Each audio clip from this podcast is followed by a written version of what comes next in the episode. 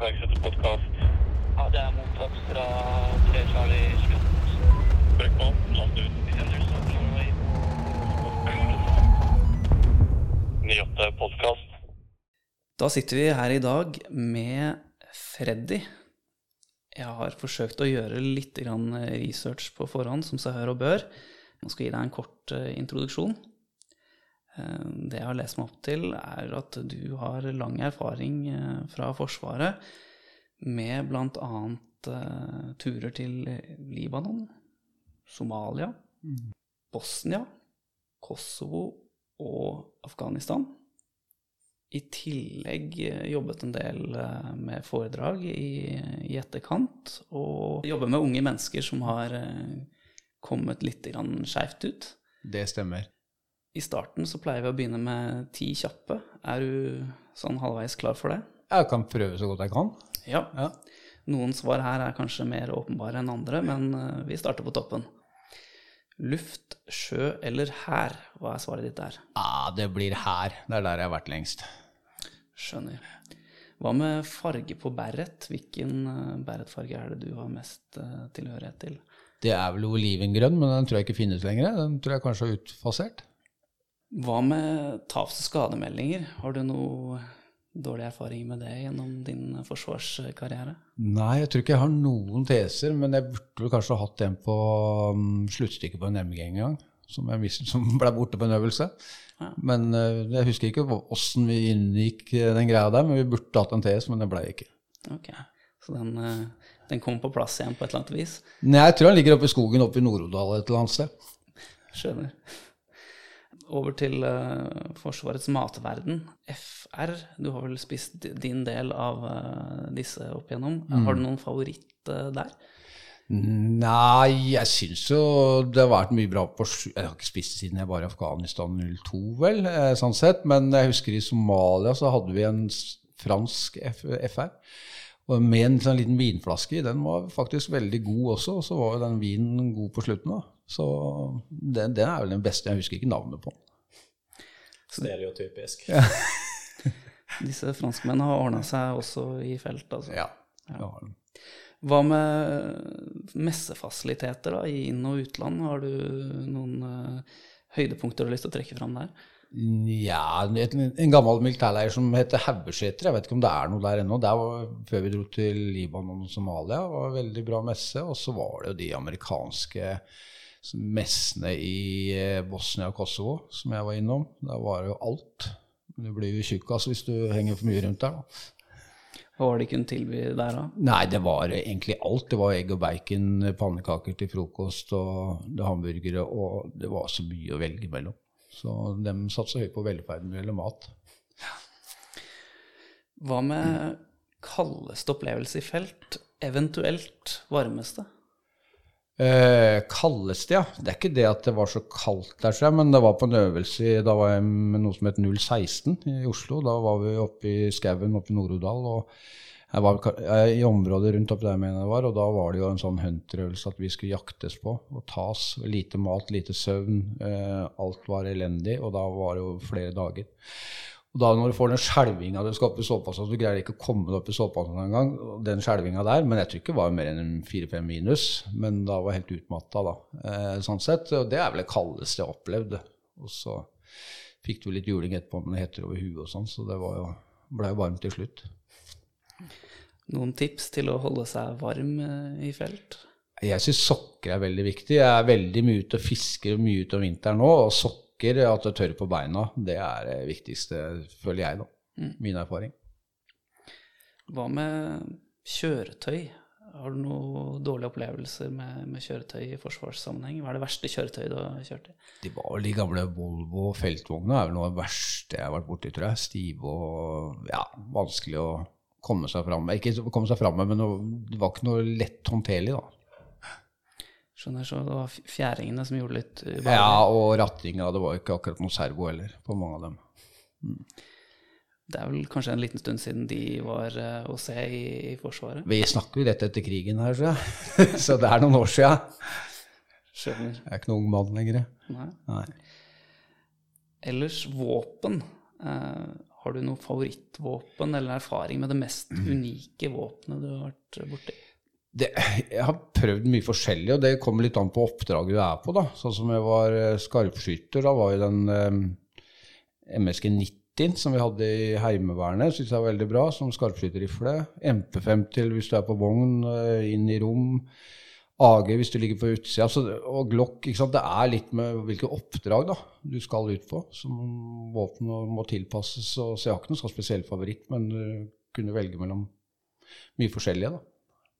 Greit å ha en litt, et lite spekter av ting å velge mellom. Ja. Hva med utstyr? Eh, Vi får jo mye bra utstyr utlevert i, i Forsvaret, men uh, har du noen favoritter der? Enten det er ting du har fått, eller ting du har gått i anskaffelse av selv? Mm, ja, det favorittutstyret er jo gamle kryssreimene. Nei da, det var dårlig. Det var noe herk. Eh, Jeg har jo vært med en del år, så har jeg liksom sett utviklinga opp eh, igjennom. Eh, Men ikke noe favoritt, men det er bare å konstatere at det blir bedre og bedre, rett og slett. Eh, Så, mm, men nå er det jo lenge siden jeg har vært inne. Jeg var vel ferdig i 04, så det er noen år siden. Husker du hva som representerte det største hva skal jeg si, fremskrittet på, på utstyrsflåten når du var inne? Ja, det var vel når jeg var i 016-avdelingen, så fikk vi noen stridsvester og litt forskjellige sånne ting. Eh, Det syns vi var veldig bra på den tida der. Det var vel på slutten av 90-tallet, mener jeg. Ja, Snakker vi om den her eh, fiskevesten som det har blitt kalt i ja, det er, ja riktig. Ja. Med litt forskjellig til magasiner og alt sånn. Kryssreimene var ut. Ja. Ja, det var jo en liten, liten revolusjon. ja. Siste spørsmålet i Ti kjappe. Favoritt militærfilm eller serie? Har du noe der? Åh, har sett mye Nei, jeg syns jo den Band of Brothers var en bra greie. Eh, Hele sånn den var bygd opp. Så den synes jeg, jeg har sett det et par ganger. Så det var fin. Den eh, kan jo anbefales for de som ikke mot formodning har sett den. Mm. Da er vi gjennom de ti kjappe. Tenkte vi kunne dra tiden litt eh, tilbake og snakke litt om, om hvordan veien var frem til eh, Forsvaret i sin tid. Da. Hvordan var den tiden for deg? Ja, det er geografisk, det er ikke noe hemmelighet. Jeg kom fra Vestby, rett utenfor Oslo. Eh, fattern var vel eh, Moren min er vel fra Oslo, og fatteren fra Nord-Norge. De traff hverandre. Han var vel tolv år eldre enn mutter'n, tror jeg. Så hun var vel 16 år eh, når hun ble gift med han. Fikk vel fire unger før hun var 21. Så vi er fire brødre. Så vi flytta til Vestby, det var vel i 65-66, tror jeg. Eh, fattern bygde hus der. Og fire brødre som var ca. et års mellomrom mellom hver av oss. Så vokste opp der ute eh, i Vestby. Så mye testosteron eh, Ja, der. altfor mye, rett og slett. Det, det er vel ikke tvil om. For alt handla egentlig om konkurranse når vi var yngre. Det var eh, mye idrett. Eh, og vi var jo stort sett ute i skogen, eh, og der kriga vi. Og vi så jo på TV-en Vi hadde jo TV på den gangen, tida der òg. Om det var Vietnamkrigen eller andre verdenskrig. Så kjempa vi i de slaga der dagen etter ute i skogen. da. Så det var fra vi så vidt begynte å kunne gå og lage tregeværer og herje ute i skogen. Så man kan vel si at du ble ganske tidlig indoktrinert i det der. Ja, rett og slett. Det blei en del av greia. For eh, mutter'n orka ikke fire hva skal jeg si, drittunger inne eh, hele døgnet, så vi blei sendt ut, og vi var ute, og vi trivdes ute. Eh, vi gikk så opp i den leken, så vi måtte hentes inn på kvelden noen ganger. Så det fascinerte oss. Du nevnte idrett. Var det noen eh, spesiell idrett du var spesielt aktiv inn i? Ja, jeg begynte vel å spille håndball da jeg var ti år. Før det så spilte fotball. Eh, Så jeg sto i mål når jeg spilte fotball. Jeg fikk alle beina til å fungere så bra i, forhold til fotball, men armene kunne jeg bruke. Så da ble det håndball, og det holdt jeg vel på i 35 år med håndball. Så jeg spilte siste kampen. Vi har hørt at du var mye ute i friluft. Når begynte du første gang å tenke på tjenesten, og, og hva du hadde lyst til å eventuelt eh, gjøre der? Det, det var egentlig ikke noe særlig tanke rundt det. Eh, For jeg husker eldstebroren min, jeg er jo nummer to av fire. Han eldste dro til Setermoen. Eh, Og da begynte vel alvoret om at Forsvaret var rett rundt hjørnet. Eh, Så tenkte jeg ikke noe mer på enn at man skulle ut i Forsvaret, i verneplikten. Så det var ikke noen store tanker rundt det, altså. Utenom at nå er det snart min tur. Og på den tiden så var det jo da allmenn verneplikt, så det her var jo da Det gjaldt jo for eh, alle unge, unge gutter, da. Ja, det stemmer, og det er jo trist at det ikke gjør lenger. Men eh, så da fikk du rett og slett en, en innkalling i posten etter Ja, hvert? det gjorde jeg det. Og så var det på sesjon først, vel. Det var vel oppe på festningen, Akershus festning, på vernepliktsverket der. Så var det inne der og tok noen tester, fysiske og noen eh, fungeringstester. Og så var det vel hjem igjen, og så fikk du vel spørsmål om hvor du ville. Og det hadde jeg ikke noen formening om, egentlig, så jeg sa det, send meg dit dere har plass. Eh, ja, så var jeg der, og så fikk vi en innkalling om hvor han skulle møte seinere. Det var vel et halvt år eller noe sånt etterpå. Så det var ikke sånn at du fulgte i fotsporene til eh, eldre bror med tanke Nei. på tjenestested? Nei, det var det ikke. Nei. Ikke i det hele tatt. Men var dette noe du på en måte hadde sett frem til, eller forberedt deg noe spesielt til? Jeg gleda meg veldig eh, til å dra inn i Forsvaret. Jeg forberedte meg ikke så veldig mye fysisk og sånn, for at eh, du dreiv med idrett, og da holdt du på fire-fem ganger i uka med idrett, så du var i grei fysisk form. Mentalt sett eh, å gå inn i Forsvaret, så Sånn jeg tenker, så hadde jo vi drevet med krig siden vi var småunger. Så du har liksom ligget og lura, du har kriga mot gjenger, du har begynt å forberede Eller det, det lå litt naturlig, da. Eh, Illeoverfall og sånn. Det lærte du om i Forsvaret, men du hadde vært borti det når du var ti år, da. På en annet nivå. Så alt det lå inne i kroppen, eh, egentlig, eh, tror jeg, uten at jeg tenkte noe særlig over det. Hva med tjenesten? Hadde du tenkt at du skulle inn det ene året, eller den første perioden, og så finne på noe annet, eller hadde du en slags plan om å fortsette? Nei, jeg hadde ikke noen plan om å fortsette. Det var mer sånn at jeg skulle prøve det, se åssen det var. eh, Og det var vel utgangspunktet. Så aldri vært noe sånn at jeg har satsa mye på skole og tenkt så mye framover, dessverre. Eh, Men eh, livet har jo gått sin gang og fungerer helt greit likevel. Men ikke noe plan der, nei. Så da er spørsmålet hvor, hvor var det de sendte deg? Ja, da sendte du meg til Marinen på Madla. Det var vel i april 85, dette her. Eh, sikkert mange lyttere som ikke er født der engang, tenker jeg. Kanskje ikke dere heller. så, så det var i 85, så da dro jeg til Madla og var der eh, i tre måneder. Og da var det jo noen muligheter for å søke seg videre på masse forskjellig. Men jeg var jo interessert i der hvor det var noe fysisk. Og det eneste som var fysisk, som jeg husker da, det var jo i militærpolitiet. Så da søkte jeg meg til militærpolitiet på Madla for, og videre til Bergen. Så det var det jeg gjorde, og der kom jeg jo inn da, på den MP-skolen.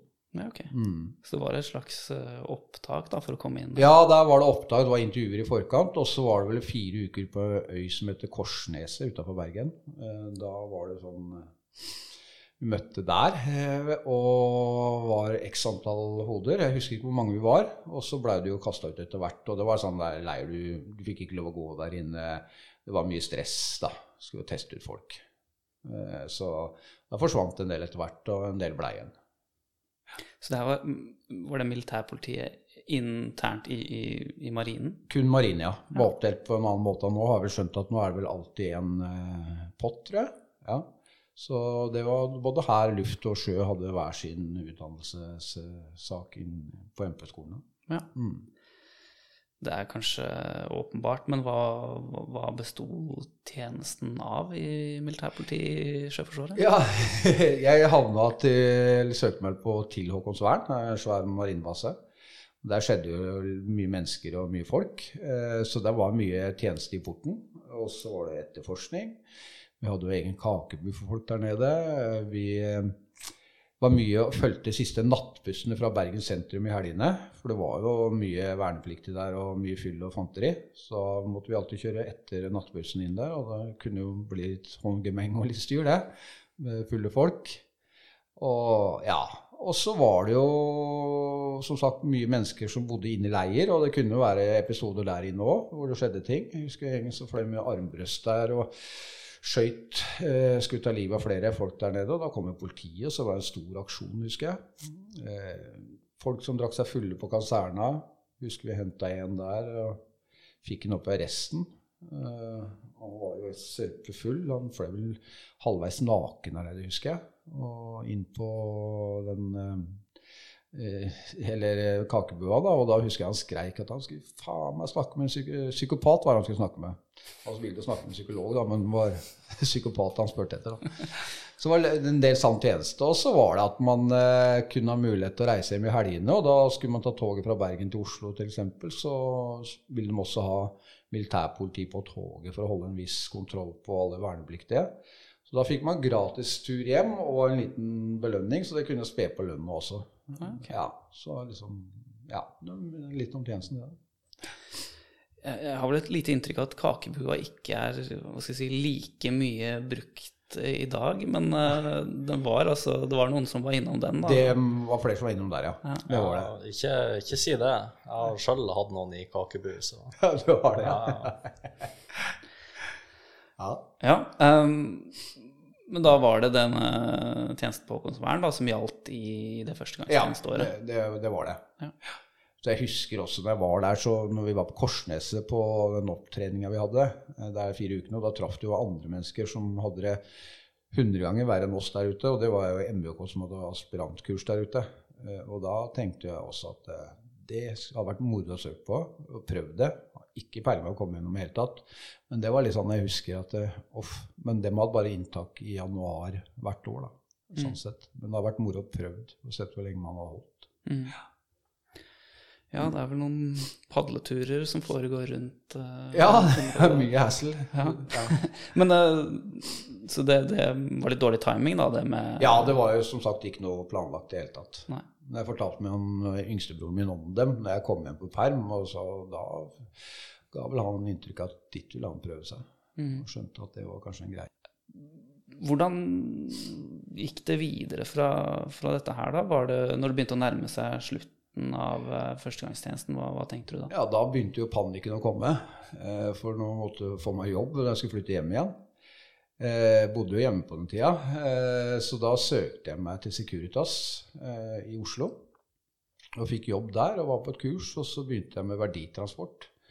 Det vil si at vi kjørte sånn pansra biler rundt i banken og henta penger og sånne ting. Og forskjellige postruter rundt på Østlandet som vi fulgte etter i en bil. Da, eh, hvor det var mye verdier.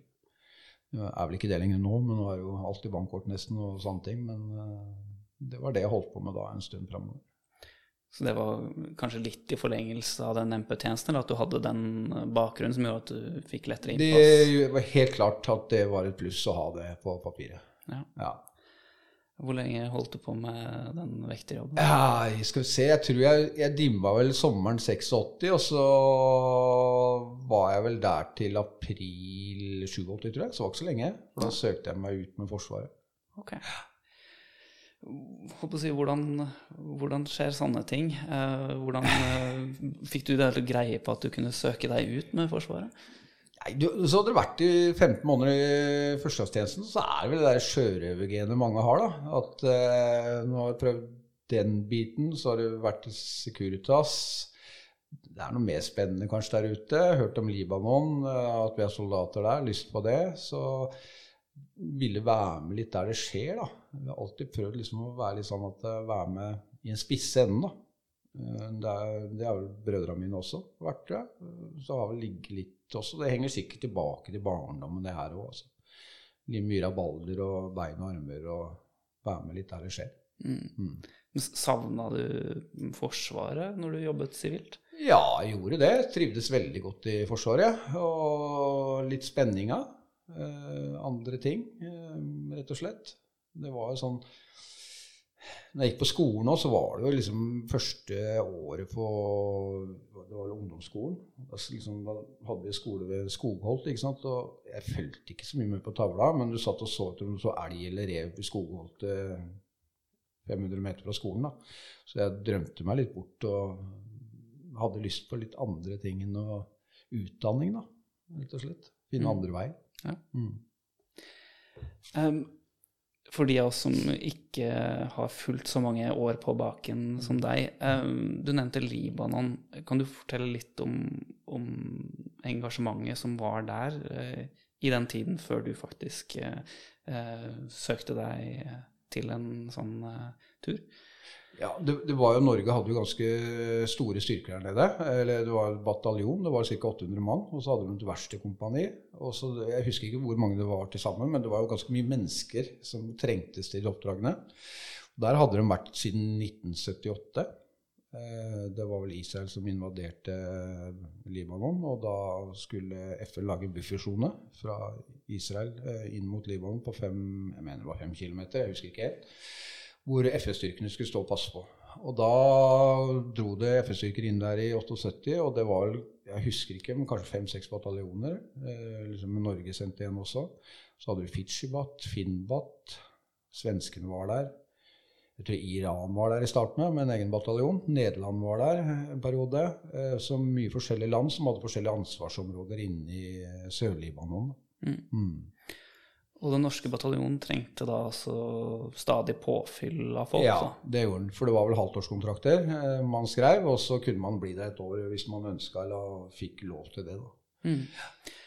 Men ja, ok, så du hadde hørt om dette Libanon-oppdraget, og så tenkte du at dette her var noe som hørtes spennende ut. Hvordan gikk du fram for å komme inn selv?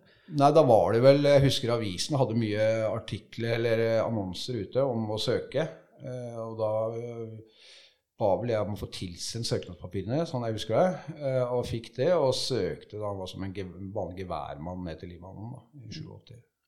Men dette kunne i prinsippet alle som hadde gjennomført førstegangstjenesten, Ja. faktisk gjøre. Det var Stempelet for å gjøre det var å ha gjennomført førstegangstjeneste.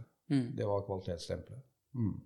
Og her var det da åpenbart folk fra alle Ja, det var mosa i sammen, og så tror jeg de prøvde å sortere så godt de kunne hva bakgrunnen var og sånne ting. da. Men det, det var mye ymse folk som havna kanskje der de ikke trodde de skulle havne. da. Eh, Så helt kontroll var det nok ikke. Ok, Så du sendte inn da søknadspapirer, og så fikk du vel en form for eh, positiv tilbakemelding Ja. på den? da? Ja, og det fikk vi ganske kjapt da. Så skulle jeg bli geværmann i noe som het eh, KPA, den norske bataljonen. Og da var det opp på tre ukers eh, treningsleir eh, på Haugeseter, som det heter. da. Mm. Eh, Rett nord for eh, Gardermoen. Mm. Jeg har vært på Haugeseter. Ja, du har vært der, ja? Ja, ja. Men eh, du sier Var det så tre uker? Ja, tre uker, ja. Oppsetningsperiode. Det hørtes jo ganske minimalistisk ut. Det er, det, er, det er vel noe av kritikken i etterkant òg, sånn sett. At eh, opptreninga er for kort, eller blei for kort. Når du ser på styrker i dag, så er det noe helt annet. Eh, Det er det ikke tvil om. Så har vi lært eh, mens veien er gått. Men det, det betyr da i praksis at du hadde vært Du hadde jo førstegangstjenesten ganske nylig gjennomført, men du hadde vært i sivil jobb eh, en liten stund, og så var det da rett inn på tre uker, og så, og så rett ut? Og Altså. så rett ut i Libanon. Ja. Ja, det var det. Og si, hva, hva, hva gjorde dere i den tre ukers eh, oppsetning? Ja, det var mye sånn, eh, for det er oper der nede, og så er det veikontrollposter. Det var en stor del av den tjenesten jeg hadde søkt meg til. da. Så det var litt oppførsel i veikontrollpost og litt sånne ting. Og litt skyting. Og, og så var det mye detonasjoner så det smalt jo mye der nede. Så skulle jeg sitte med sånn målskive på oper og plotte inn og melde inn til hovedkvarteret hvor jeg var hen, da. Så det kunne nok ha vært en lengre periode før vi reiste ut, men sånn var det nå en gang i tida. Ja. Skjønner. Hva, hva tenkte du når du satte deg på fly eh, nedover? Jeg antar at dere tok fly nedover? Ja, vi tok fly med Bråten Safety, mener jeg husker det var. Ja. Ja. Følte du at du var, var klar for dette her da, eller? Ja, eh, personlig så gjorde jeg egentlig det. For um, du hadde jo levd et ganske vilt ungdomsliv og, og sånne ting. Og drive med epleslang og noe småinnbrudd og sånn i barndommen. Ikke noen sånn voldsomme ting. Men du ikke for å stjele, men å ha spenning. eh, Og vært borti mye rart. Så, så var litt sånn forberedt, ja. Og sånn at eh, Det var jeg ikke bekymra for, egentlig. Det høres kanskje litt kokk ut, men sånn var det, rett og slett. Ja. Min del. Hvordan, eh, hvordan var erfaringene mens du var der, der nede?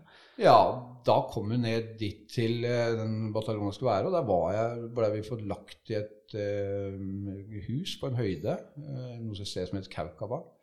Der var jeg ca. i fire uker, uh, og det var jo mye OP-tjeneste. Og mye nattpatrulje, det glemte jeg å si, men vi hadde mye patruljer. Og så er det liksom Og det var jo spennende i seg sjøl, det. Israelittene hadde en svær eh, stridsvogns, eh, et stridsvognskompani som lå rett over haugen hos der, som var ganske godt bevæpna. Eh, husker jeg på en nattpatrulje Det var litt eh, cowboytilstander. ikke sant? Hadde vi gått noen patruljer, skjedde aldri noe særlig. Eh, og så smalt vi av en byge ned i en sånn derre skrent ned der. Og da løp vi jævla fort inntil fjellveggen under det der kompaniet som lå oppi der. Det var litt, ganske stykke bak der. Og da åpna jo himmelen seg med tolvsjuer og alt mulig. og sånn, Så var det sånn idiotstreker. Men eh, hva skal en si?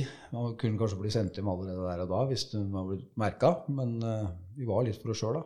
eh, Så måtte vi finne på litt, sånn sett. Bare sånn for ordens skyld, hvem, hvem var det som uh, skjøt på der, hvis det var det som skjedde? Ja, De skjøt ikke på. Vi greide å løpe inn til fjellet. Det var israelittene. Som, ja.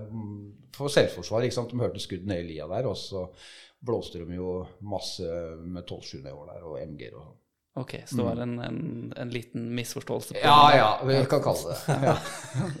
Hva, um, hva vil du si var trusselbildet når du var der nede? Var det misforståelser som gjorde at eh, israelerne kunne beskytte dere, eller var det eh, PLO, eller Nei, det, var- det var eh, sånn som Vi lå jo inne for den sikkerhetssonen, da. Og der hadde israelittene en del ble kalt femtekolonister. Libanesiske sikkerhetsstyrker og sånn, som var på dems sin side da. Som het GSS, mener jeg husker. Ganske ugreie mennesker som tok sivilbefolkningen ganske hardt. De drev jo og lagde mye hassle i CP-er og lagde mye bry for nordmennene der nede. Eh, Så det var vel en Og så var det jo en del eh, Ikke akkurat der, men etter hvert. ikke sant? En lang periode. 78 til de trakk seg ut i 98, var det vel. Så det kunne være rolige perioder, og det kunne være mer ugreie perioder. ikke sant? For israelittene svarte jo med artilleri og sånne ting hvis de ble angrepet. Så var mye, mange sånn gaupe at de måtte løpe i shelter da, eh, og sånne ting. Nedslag.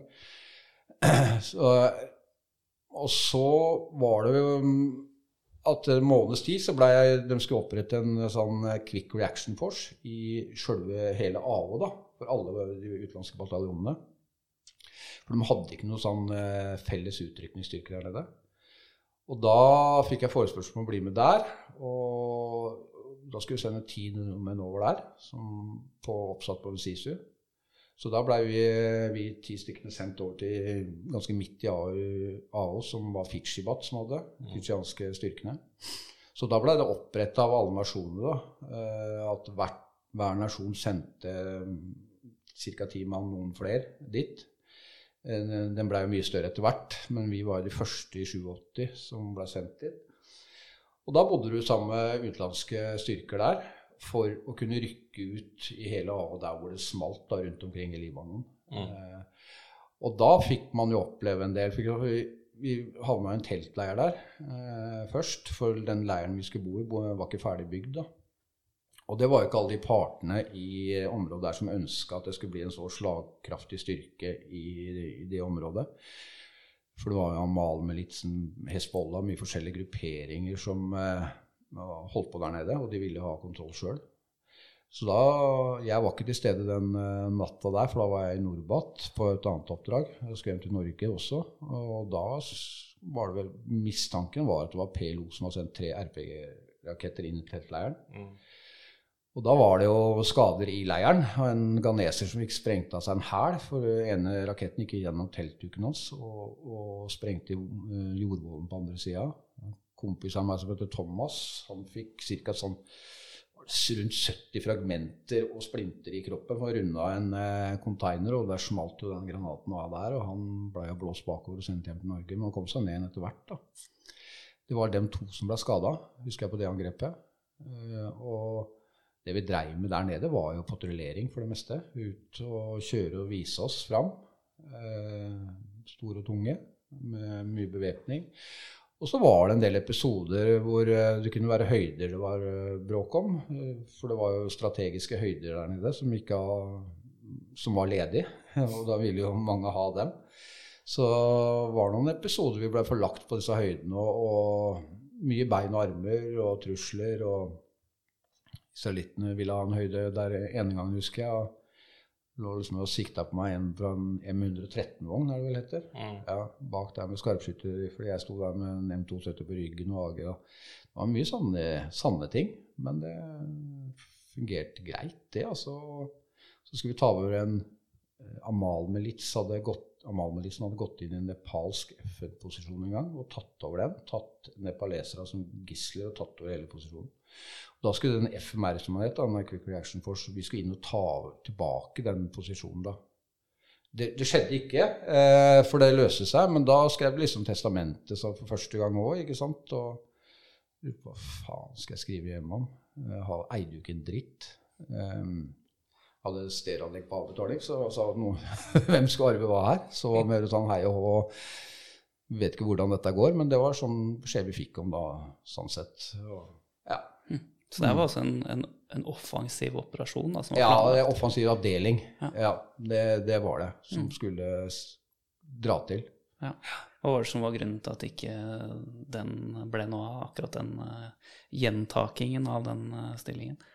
Eh, nei, de, de trakk seg, de- Amal-militsen trakk seg ut. Ja, de gjorde det? Ja, Så de hadde fått trusler fra ho- hovedkvarteret Nena Kura, som det heter, hvor hovedkvarteret til FS-styrken i Libanon var. Ja. Så var det mye dialog den veien. Ok.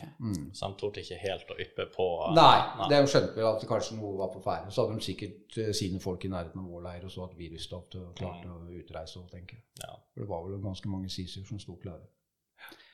Trakk du et lite lettelsens sukk da, eller var det sånn at du egentlig hadde lyst til å, å Det ble en veldig spenning, husker jeg. Veldig merkelig greie i leiren. Eh, mange folk satt og tenkte for seg sjøl. Jeg gjorde det også sjøl, eh, for det, nå er det alvor. Eh, dette er jo ikke greit. Eh, så jeg kjente på den eh, der. Og det du spurte om, ja, det blei litt lettelse. Det, det, ble det. det er lettere å komme opp i en uforutsigbar situasjon enn at du skal planlegge i forkant. Det er i hvert fall min erfaring og sånn jeg er skrudd sammen. Ja. Ja, Du nevnte eh, testamentet, og hvordan tok familien da i, i forbindelse med at du skulle, skulle reise nedover dit? Var det greit, eller? Ja, det har vel aldri vært noe problem, tror jeg. Til jeg var ute første gang i 87, til han ene broren min døde jo i Afghanistan i 2010, så var jo en av oss brødre ute nesten hvert år, så mutter'n og fatter'n var veldig vant til akkurat dette her, at det var ute. Eh, hva de tenkte og sånn, det har jeg aldri spurt om. Eh, og åssen de hadde det, det har jeg heller aldri spurt noe særlig om. Men det var, var aldri noe særlig tema, altså, rett og slett. Nei. Hadde man mulighet til å, å ringe hjem, holdt jeg på å si, eller var det brev det gikk i, eller hadde man noe kontakt Ja, det var brev det gikk i Libanon. Ikke mulighet til å ringe hjem ja. i det hele tatt. Så det var kun brev. Og brev var hyggelig å få. Jeg, jeg har jo skjønt at uh, du er litt opptatt av dette med stressmestring. Eh, hvordan var det på den tiden? Gjorde du deg noen refleksjoner rundt dette med å mestre stress allerede da, eller var det noe som kom litt senere? Eh, det, det, det, jeg tenkte nok ikke mye over det da. Altså, skal jeg ta en annen episode fra Libanon? ikke sant? Så jeg nevnte i stad at jeg ikke var der i teltleiren, for da var jeg på vei til Oslo, eller Norge. Eh, for vi hadde ikke noe særlig sånn eh, greier at vi kunne bli frakta dit og hit. Vi måtte ta tilbake til gamle avdelingen min som jeg hadde vært i. Og da ble jeg forlagt i ene huset der hvor de var forlagt. De har flytta hus, for de er ca. en måned om gangen på hvert sted. da. OP, CP, sånne ting. Så det rullerer, da. For det skal ikke bli så kjedelig, sikkert. Og da var avdel- denne laget mitt forlagt i et hus på en CP. Og da hadde det vært noe bråk med israelittene noe som heter, på et sted som heter Falkøyden, som seinere ble norske hovedkvarteret nede i Libanon. Og da hadde de norske styrkene vært der oppe sammen med israelittene. De hadde kommet som Merkava, sånn israelske stridsvogner oppå der, for å ta over den høyden. Og det var nabohøyden til den som vi hadde skyte litt i stad når vi gikk patrulje. Eh, så PV68 mener jeg heter den høyden der. Og da, skulle, og da hadde de vært noen netter der oppe og kjørt eh, M113-vogner og noen VAB-vogner, og israelittene sitt. De har bulka litt borti hverandre. Vært noen ladegrep, skriking, hoiing, varselskudd. For å presse nordmennene bort derfra, for jødene ville ha den eh, stillingen der. Eh, og så kom jeg innom, for jeg skulle bare kort innom og overnatte der og dra til Norge dagen etter. Eh, følge den norske gjengen som skulle ut av Libanon da. Eh, og da fikk jeg forespørsel om å være med på høyden den kvelden. For da skulle en M113-mann fra det laget som var plassert der hvor jeg bodde nå eh, den natta, var på det huset der. Og da skulle den opp på den høyden og, i samarbeid med flere norske styrker. da. Så det var tre vogner totalt. Og så fikk jeg spørsmål om det, så sa jeg ja, det har jeg lyst til å være med på. Så jeg blei med opp der. Og da kjørte vi opp der og utplasserte tre vogner. To M113-vogner og en VAB-vogn. Og ble stående der og venta på at israelittene skulle komme. Vi hadde jo oversikt over til andre høydene, så kunne se hvis de dukka opp. Men de dukka aldri opp, da. Og vi lå jo på høyden der, og det ble mørkt. Og fikk vel beskjed om å bare bli der eh, inntil videre. Så vi gikk jo litt i ro i vogna. og en bytta på å holde vakt oppe på toppen av vogna, lå og prata nede der. og lytta på alt uh, insektlyder og alt som skjedde. Rett før vi gikk til ro, så hadde det gått en drone over der vi var. Vi stussa på dette, hørte summinga. Uh, hva slags drone den brukte på den tida, eller hva, har ikke peiling. Men den hadde gått over høyden. Og da var det jo, da høyna den indre beredskapen seg enda mer. Hvorfor gjør de det? Hvorfor skal de plottlegge oss, f.eks.? Og så, men vi fant jo roen til slutt da, og lå der. Og jeg husker han ene satt over meg på, oppi det hølet på den M113-greia. Det er hølet der. og og dingla med beina. Og da var bekmørkt ute, og så var det plutselig akkurat som eh, noen som skrudde på lyset, så kom det et voldsomt smell. Og det var granater. Da skjøt de fra den PV68. Jeg vet ikke hvor mange granater de skøyt. Men da var det også en som landa rett ved vogna vår. Jeg glemmer aldri synet av han som satt i toppen av vogna. Jeg lå rett ned altså for sånn, og det uttrykket han hadde i ansiktet, og klaska rett ned på oss som lå der.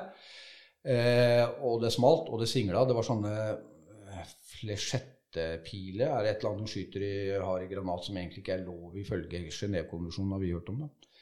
Og de eh, singla jo i den vogna vår, og han ble ikke skada, men han fikk et type granatsjokk, for han var ganske ute og kjørte. Så fikk jeg revet han til sida, kasta han på sida, eh, og så begynte jo hodet å skru seg enda mer opp. da. Og det smalt, du hørte stemmer rundt, eh, ganske kaotisk. Vi hadde en M113-vogn oppe på en høyde som sto i silett, og så var det en VAB-vogn som sto litt lenger nede.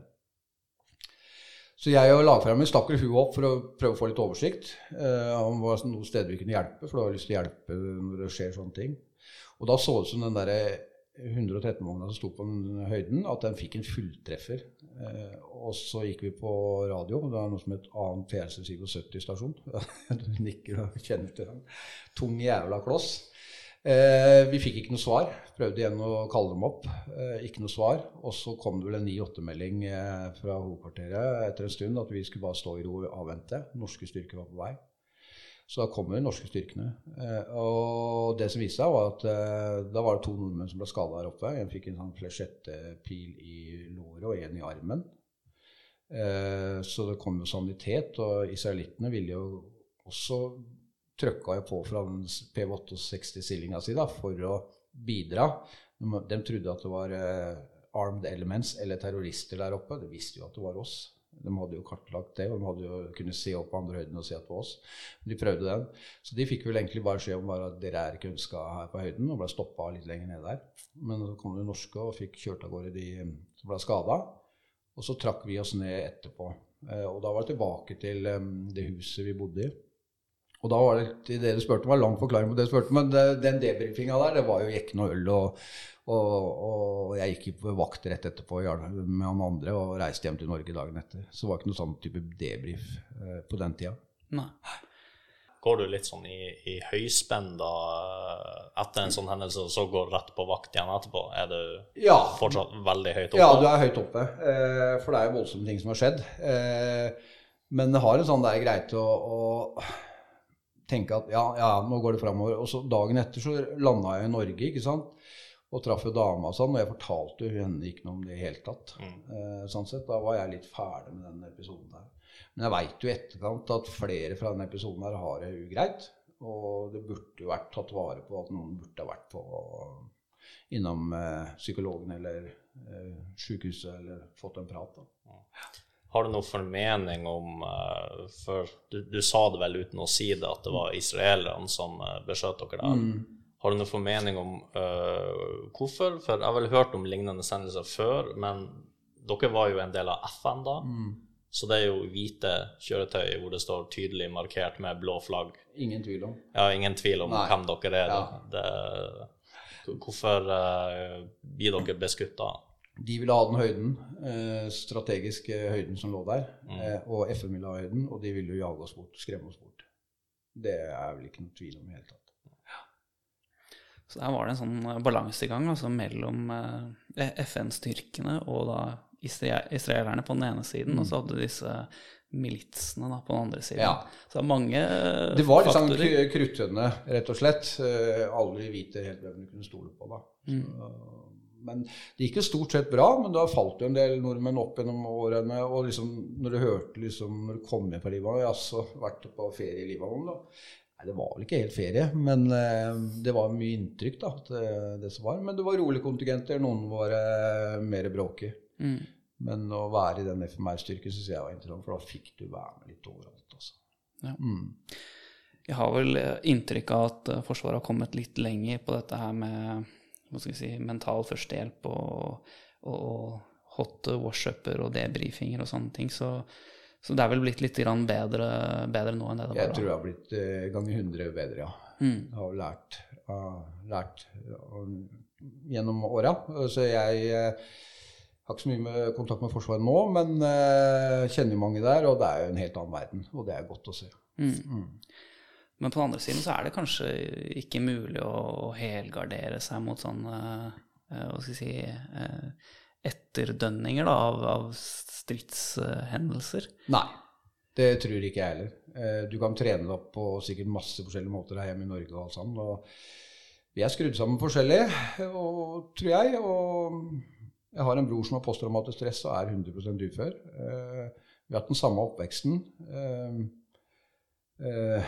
Men nei, det er, du får nok ikke gardert deg 100% mot det, dessverre. Nei. Men hvis du skulle gi noen tips til andre som skulle ut eh, på utenlandsoppdrag f.eks., er det noen triks man kan gjøre, eller noen forberedelser man kan gjøre for å på en måte stille best mulig i en sånn situasjon? Som kan hjelpe deg i- i etterkant? Jeg kan jo bare snakke for meg sjøl, men det er litt Jeg er alltid litt sånn at eh, ting kan gjøre vondt der og da. Eh, og så er jo vel Men at jeg tenker når jeg er i det vonde eller det som er ugreit, eller det er vondt, så tenker jeg alltid en i morgen så er det en annen situasjon. Ta, ta se, Gled deg for det isteden. Gled deg til du kommer hjem om 14 dager på perm. Jeg, jeg, jeg, det er nok ikke noe hjelp akkurat det jeg sier der, men jeg er litt sånn at jeg, når jeg har vært med på en del ting, så er jeg ferdig med det. Og så tenker jeg ikke så mye over det. Så at når jeg jobber i barnevern nå, så er det mye debrief og alt sånn. Og, ja, Fredrik, nå må vi komme, vi skal snakke om det som har vært, om det har vært en knivstikking på jobb, eller hva det nå enn er. Så jeg hater det. Jeg, har ikke noe lyst til å sitte der og prate, men det er jo nyttig. Jeg er ikke i tvil om i det hele tatt. Men jeg er ikke helt skrudd sammen sånn. Jeg putter mye i det som jeg kaller den svarte boksen, sorte boksen i bak i hodet. Og så er jeg ferdig med det, så går jeg videre. Mm. Eh, Det er nok ikke noe løsning for alle det, men det er i hvert fall sånn det har fungert for meg. Da, er helt ærlig på det. Mm. Du nevnte dette her med den hurtige reaksjonsstyrken eh, som var sammensatt, så vidt jeg skjønte, av eh, forskjellige nasjonaliteter. Si, hvordan fungerte det å plukke noen fra forskjellige land og bare sette dem sammen i en slags avdeling? Og hvordan var samarbeidet, og hvordan løste man oppdrag uh, med så forskjellig bakgrunn? Det, det var jo komplisert, ikke sant. Uh, og jeg som MP, og også en som kokk i førstegangstjenesten, en som var sambandsmann, eh, skal bli på stormpanservogner på Siser og være infanterister der. Så det krevde jo mye trening i starten. da. Og vi var jo litt heldige, for vi hadde jo et befal der også som ikke hadde Han hadde jo god bakgrunn, men han ble sendt hjem til Norge da, pga. diverse årsaker. Så vi var jo liksom en gjengen der aleine en periode. da. Men vi prøvde så godt vi kunne, og det blei ikke så ille etter hvert. Og så får litt hjelp av andre nasjoner, og så er jo andre nasjoner har sin måte å løse ting på. Så det var mye klabb og babb. Eh, Jeg er veldig glad, som jeg nevnte i stad, den der Amal-styrken som har tatt over den posisjonen og ganske tidlig. Godt den gjengen der ikke dro ut og skulle ta over den der greia der, altså. For å si det mildt. Hvordan, eh, hvordan var språkferdighetene i den eh, sammen multinasjonale styrken Ja, det gikk bra, for det gikk på engelsk. Finnene var jo ikke de beste på engelsk, eh, men de hadde sauna, da, så slapp billig unna. Men det gikk egentlig bra, det, altså. Jeg gjorde det. Ja, apropos finne, vi har jo hørt fra en tidligere episode at eh, de hadde også sauna da i, i Irak. Så Ja. det, de tar med seg den tydeligvis. Det hadde de med livet om. Ja. Og vodka. Ja. Men da var det altså mm, hjem på perm uten noe videre seremoni. I dag har man jo litt sånn mellomlandinger, og man får mulighet til å, å på en måte ro, roe ned litt før man eh, kommer tilbake til det sivile samfunnet. Men, men her var det altså rett hjem og hjem til dama. Ja, rett hjem til dama, ja. Og være hjemme 14 dager, og så ned igjen. Ja. Så ja. Det fungerte greit for meg, det. altså. Det gjorde det. Det var halvt år om gangen. ja halvt, år, halvt år om gangen, ja. Kunne søke rekap, som det heter, at du kan bli et halvt år til. Men jeg gjorde ikke det. Eh, Da fant jeg vel ut at nå må jeg komme meg hjem til slutt og få meg en utdanning. Hvordan, eh, hvordan fungerer det? Var det sånn at du, du gikk på en slags sånn midlertidig kontrakt når du var i utlandet, og når du da kom hjem, så var det bare Ferdig. Du, Da, ferdig ja, list, og, du, du etter et halvt år, så kom du hjem, og da hadde du vel ca. 24 timer, eller en natt, på det i militærleiren. Så fikk du stappa med en hamburger eller en måltid. Mm. Og så takk for, takk for innsatsen, og så var det hjem. Og da var det ferdig. ja. Kontrakten ferdig. Ja. Det var greia. Så var jeg innom psykologer og alt sånn, og så ble jeg spurt om jeg har det bra. Ja, ja, dette går fint, for da hadde du lyst til å reise ned seilen. Det var veldig lettvint, altså. Mm. Ja. Sånn sett. Ja, det, av andre vi har snakka med, så virker det sånn at ting var på en måte litt lettere på godt og vondt Ja, eh, og før. Helt enig. Eh, Det er det. Eh, Sånn som jeg ble jo skutt i Libanon var med en fiskeharpun ikke sant? gjennom nesa inn i kjeften og var medsoldat på brakka. Eh, Så, men det var ingenting som fanga opp det. Jeg lå liksom og gått av nattvakt, og det en sånn Hawaii-slynge. Gutta dro til sånn 60 timer, som det het. At du kunne reise to, to ganger bare i løpet av seks måneder. Du kunne reise ut på en 60 timer, da. Enten i Israel eller Kypros. Da var det en av gutta som hadde med seg en Hawaii-slynge tilbake. Han satt jo Det var jo alkohol i de eh, periodene her. Er Tilgang på en helt annen måte. Eh, Godt ikke er det lenger også, selv om Men da var det en som hadde drukket seg god full, og jeg la meg på senga, dro myggnetningen over senga. Jeg var trøtt, jeg skulle sove etter nattvakt. Og så skriker han 'Hei, Bolle, snur deg!' Og så snur jeg meg, og så kommer et eller annet mot meg. Og da var det en svær harpun som var en meter lang sånn stålstang, stål, og så med tre sånne greier. En rett gjennom nesa, og en inn i kjeften, og en opp ved øyet. Og det, liksom med mottakere så fikk de ikke ut og sånn, da. Men, og det blei et baluba uten like, og ned på sjukehus og alt mulig. Mutter'n ringte, fikk tak i med en satellittelefon i eh, hovedkvarteret der. Lurer på åssen det gikk med meg. Fikk til slutt snakka med meg. Uh, lurer på åssen det gikk med bilulykken jeg har vært med i. Men ikke sant, så Meldingstjenesten var ikke helt i orden på den tida der. Uh, nei da. Men uh, det, Så jeg liksom Det var ikke noe oppfølging etter det. Og, uh, greit for meg, det. Uh, men mange, sikkert mange andre episoder med nordmenn også som kanskje trengte en prat etter sånne ting. Mm. Men uh, ikke på den tida der. Hvordan var dette da med, med, med brødrene dine? Var, de, var det noen av de som hadde vært ute i forkant, eller var det, fulgte de etter, Ja, i de etterkant? fulgte vel etter. Det var Lasse, han broren min, som kom etter meg. Han, jeg var vel i Libanon i 87, han var vel kanskje i 88 eller 89, husker jeg ikke helt. Eh, Så han dro like etter meg. Han var der i vel tre eller fire kontingenter, tror jeg. Ja. Mm. Skjønner. Eh, nei, men ok, men da var du hjemme, og så var du ute i sivile verden igjen, da. Men Ja. var det noe blivende sted, da? Nei, ja, på en måte. Så da var vel da heller noe, Jo, det var da jeg bestemte meg at nå måtte jeg prøve å få en utdanning, for det hadde jeg ikke. Eh, Så faren min var jo tømmermester og drev vel eget eh, tømmerfirma. Så han, broren min Trond hadde vel begynt i læra der, for han var jo heller ikke så glad i skolen. Så han hadde begynt der, og da jeg kom på Libanon, så begynte jeg som lærling der, jeg òg. For å få meg en utdanning. Så jeg var hos han i tre år og fikk tatt det svennebrevet. Eh, Og da, i den perioden der så ble jeg vel også overflytta til Heimevernet, mener jeg, i HV0 Ja, i Sarpsborg er det HV01, eller hva det er for noe. Ja. Så da tok jeg en del kurs der bare for å holde dialogen med Forsvaret, om sånn troppssjefkurs og litt forskjellig. Eh, Så jeg var litt inne på noen øvelser. Ga meg ikke det store, men det var hyggelig. Det var ålreit.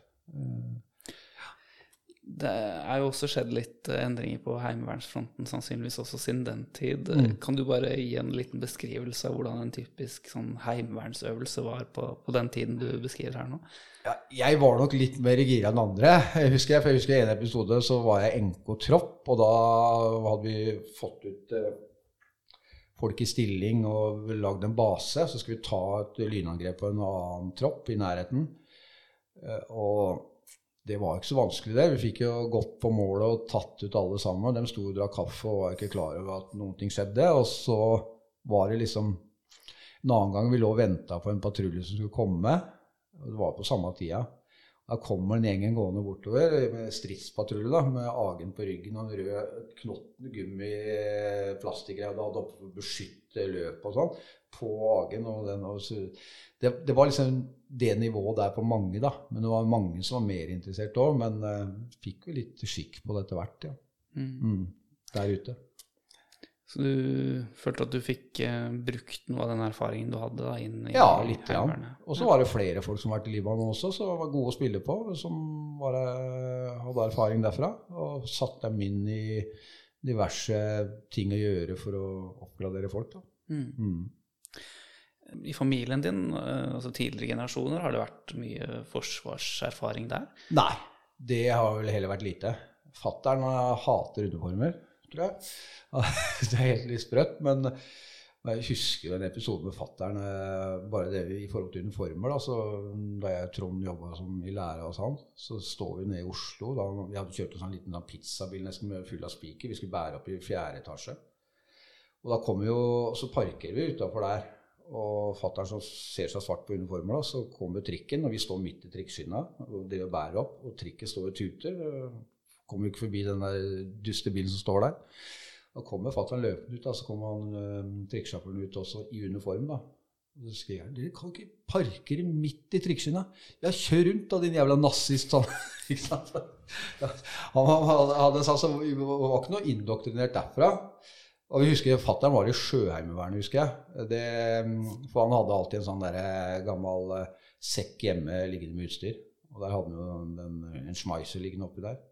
Og den greide jo vi å stjele noen ganger. ikke sant? Man trodde han hadde gjemt den godt. Men eh, vi fikk tak i den om morgenen en periode. Så brukte vi den som krig oppe i skogen. Og når vi fikk tak i den, da var du sjef. Men det blei jo merka til slutt. Ja. Ja, det hørtes interessant ut. ja. Jeg kan, jeg kan vel så vagt minnes at uh, faren til en kompis av meg også hadde vel MP5-en hjemme, og den fikk jo vi for så vidt òg tak i relativt relativt ung alder. Det er godt å høre at det ikke bare er meg. I hvert fall ikke noe sånn uh, veldig uh, lang uh, forsvarskarriere i tidligere generasjoner der. Men, eh, men var det akseptert at eh, du og for så vidt dine brødre også valgte den, den veien med tanke på Forsvaret? Var det, var det innafor? Ja, jeg tror mutter'n visste hvor hun hadde oss, og ting var på stell, og vi hadde jobb og lyktes i jobben og hadde det ålreit. i liv. Så jeg tror ikke det var noe greier. Men jeg har aldri spurt mutter'n som sagt om øh, hvor urolig hun var opp gjennom åra. Det vet jeg ikke. Nei. Er det sånn at når man først har vært på et eh, utenlandsoppdrag og, og opplevd det man opplever der, er det sånn at man får en slags dragning tilbake til å gjøre litt mer av, det samme? Ja, for min del så er det nok det. Eh, Det er spenningssøkende, som sagt. Jeg nevnte litt om det i stad. Å være med der det skjer. Og så søkte jeg også jobb eh, Jeg har liksom søkt litt jobber hvor det skjer noe, da. Og vært i barnevernet i mange år eh, med institusjonsungdom som ikke har det så greit.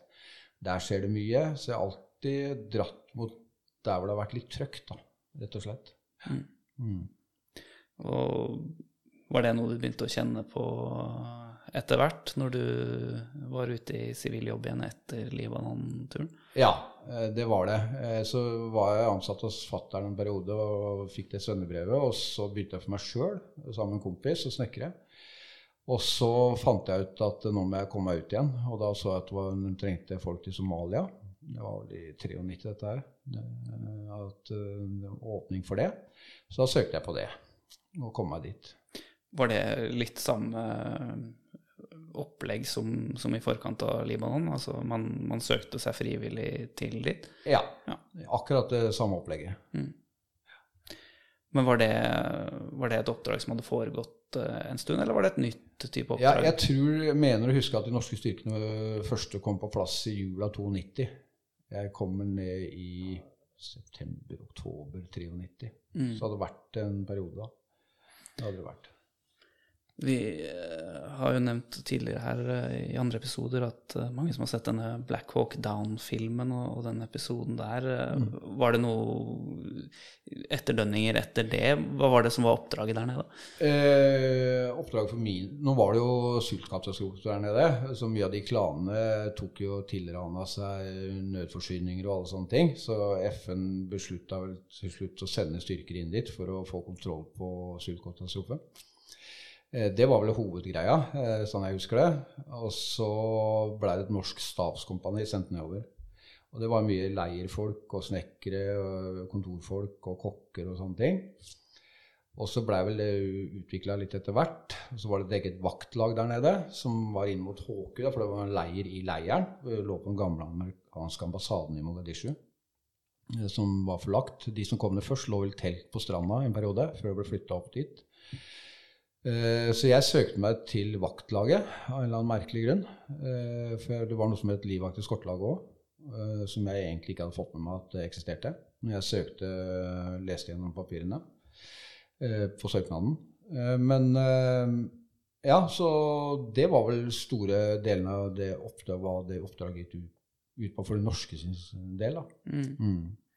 Og det var eh, type tre ukers oppsetning? Ja, jeg mener, det, jeg mener det var tre uker, men det var mer trøkk.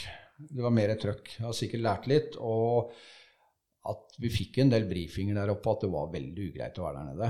Det hadde vel vært mange skader og nedslag inni leiren rett før vi kom ned. Og da den blackout down, den skjedde jo rett før vi dro nedover.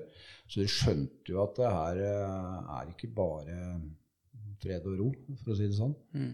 Så jeg føler at opptreninga der var bedre sånn sett. Ja. Mm. Nå har ikke jeg lest meg sånn veldig opp på akkurat den uh, situasjonen i Somalia på, på den tiden, men, men det var jo også en stultkatastrofe, og man hadde en del sånne klaner som prøvde å få kontroll på Var det matforsyninger? som- Matforsyninger, territorium, eh, alt mulig der nede. Mm. For det var vel ganske lovløse tilstander. Jeg husker ikke noe å si at Barre, som var president der, ble vel, om han ble tatt av dage eller hva som skjedde med han. Så det var jo ikke noe sentralstyre, noe regjering som hadde kontroll der nede.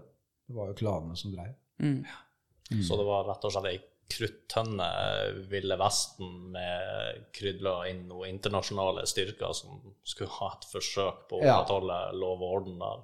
Mm, rett og slett.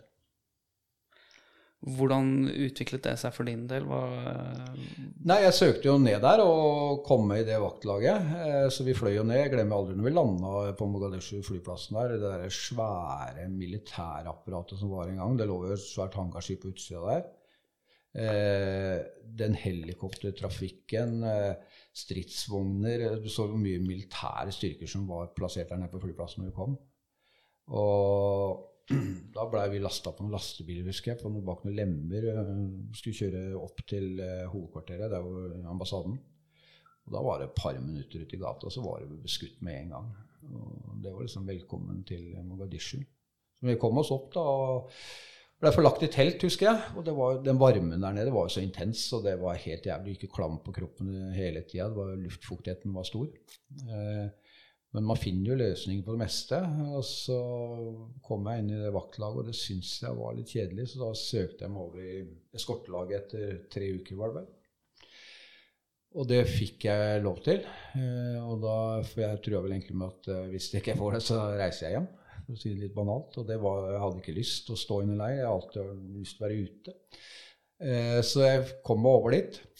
Og den perioden der så hadde jo det norske eskortelaget kjørt noe Gelendewagen, var det vel, med noen monterte MG-er på tak og ganske dårlige greier.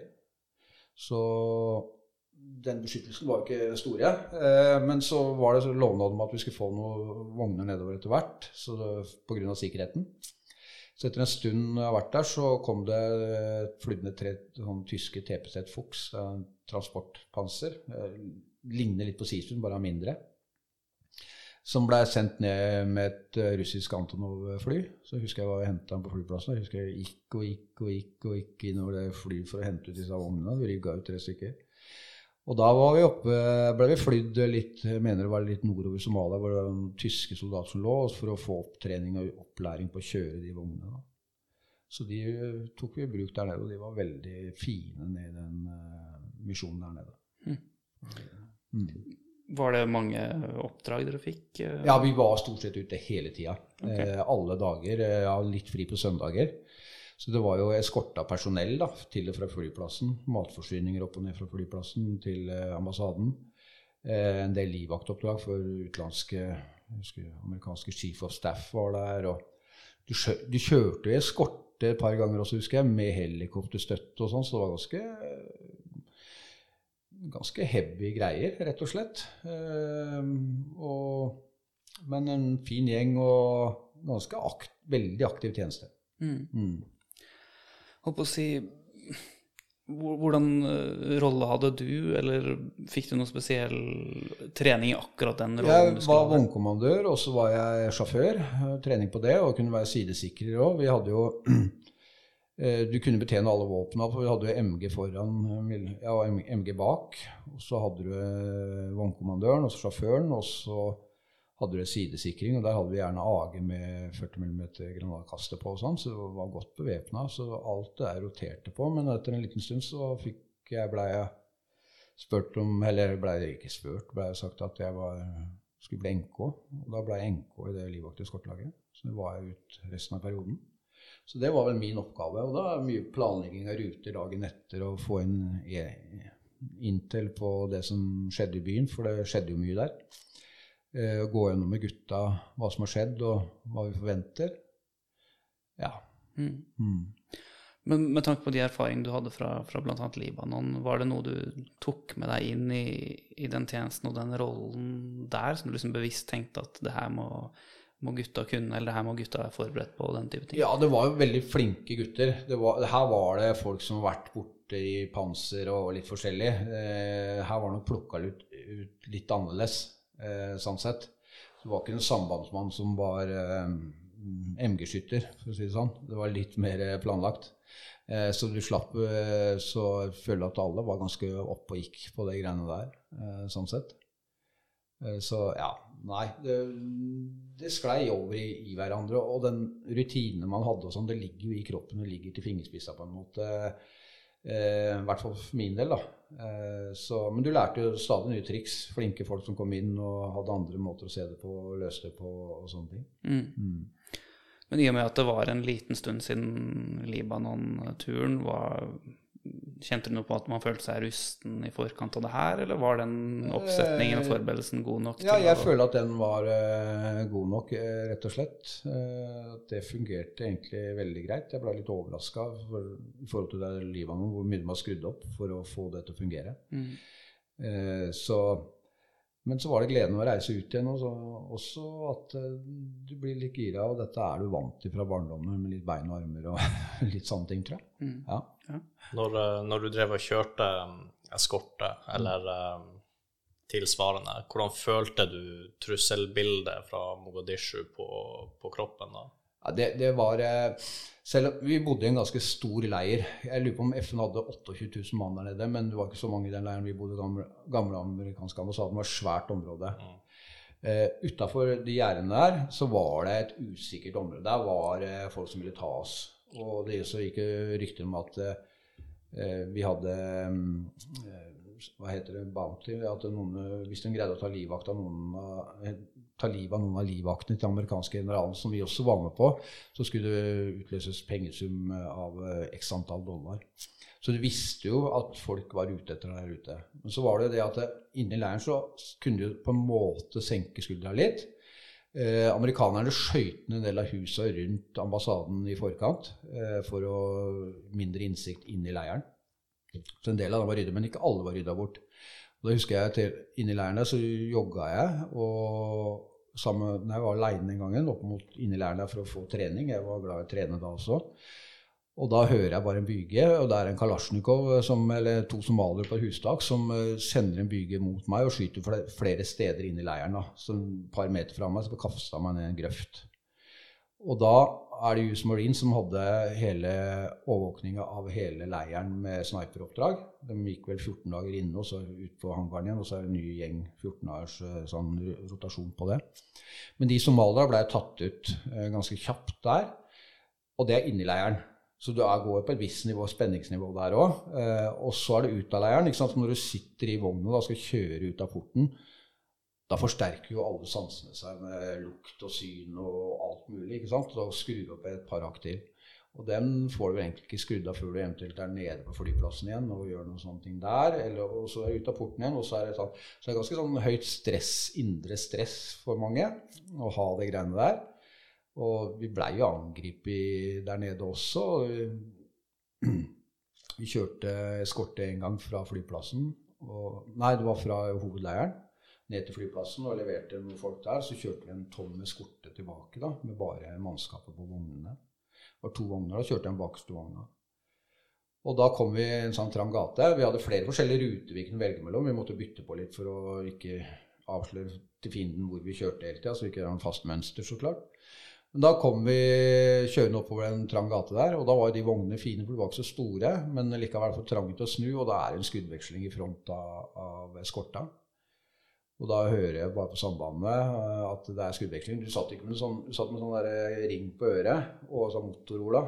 Det var jo ikke det største, hotteste sambandsutstyret man, man hadde da.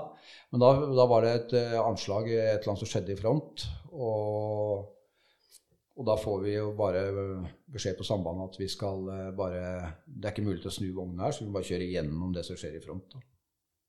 Og da får jeg litt avstand til den vogna foran, da, for vi kjørte jo kuk i ræv hele tida for å ikke slippe noen inn i eskorte. Eh, så da får jeg litt avstand. Eh, det er kvikke vogner, dette her, men du får litt avstand, og da ser du at det skjer noe med gatebildet. At mennesker løper. Du ser eh, murpussen spruter på veggene. For det, det, som var, var at det var to klaner, familier, som kriga mot hverandre. Og vi kjørte inn i den uh, greia der. Og de skytes helt vilt. Eh, folk lå også skada rundt der. Alt dette skjedde veldig fort. Så første vogna blåst forbi, og så er jeg litt etter. Og da ser jeg at det står en kar med Kalasjnikov inne i en døråpning og peker oppover. Og ved siden av meg, i setet ved siden av meg, så står jo han MG-skytteren. Han står i setet, så han har jo halve kroppen ute av vogna. Så jeg skal ta slå han på låret for å gjøre han oppmerksom på trussel til venstre. Han skulle sikre 180 grader i front. da. Men akkurat da jeg skal slå han på låret, så han, ser jeg på han eh, i sidesynet at han har skjønt dette. Så han begynner å snu seg mot den og, og får dratt inn en byge rett inn i der hvor den trusselen er. For han sto og pekte på oss. Så er vel han vannkommandøren også som også får blåst med henne, så han ble tatt ut. da, Og da kom vi gjennom. Det, sånn, tilbake til leiren da. Da er, da er det litt sånn Litt høyt oppe. Men det roer seg ned. og vi, da var ikke noe, Jeg mener å huske det var ikke noe særlig debrief da, eller på de episodene der nede, men da var jekkende øl og ta litt med ro. og Noen gikk til hver for seg, og noen trengte å prate litt. Men det var ikke noe sånn at det kom noen for å styre den debrifen. Hvor, eh, hvor, lenge var oppholdet i Somalia? Eh, jeg mener det var nesten seks måneder. Eh, for da blei det terminert, at det ble avslutta i mars 94. Så da blei alle styrkene trekket ut, sånn sett. Husker du noe om hva som var årsaken til at det ble avsluttet? Jeg mener de bare ga opp, at de ikke fikk gjort noe særlig mer. Altså, rett og slett. At de ble enige om det. Amerikanerne var ganske klare, og da vil jo alle andre trekke seg ut òg. Vi er jo store. Jeg, jeg, mener det var i stor grad pga. Black Hawk Down. Amerikanerne led jo ganske ja. større tap enn de sjøl forventa de kom til å gjøre, og de var ikke helt ja, jeg husker jo til og med det var vel US Ranger eller hva det var, som ble mista mye folk der nede. og De lå vel også på sykehuset men når vi kom ned der fortsatt de som var hardt skada. Mm. Så det kan jo være den store grunnen til at de trakk seg ut, ja. Mm. Så da ble, da ble, hele leiren pakket sammen og man eh, dro hjem alle mann? Ja, rett og slett. Men det sammenfalt sånn cirka med når du var eh, ferdig med din, dine seks minutter? Ja, det var rett før, mener jeg. Fem og en halv måned eller et eller annet sånt. Ja, okay. Det er mange år siden, jeg husker ikke alt, men ja. det er sånn cirka. Ja. Mm.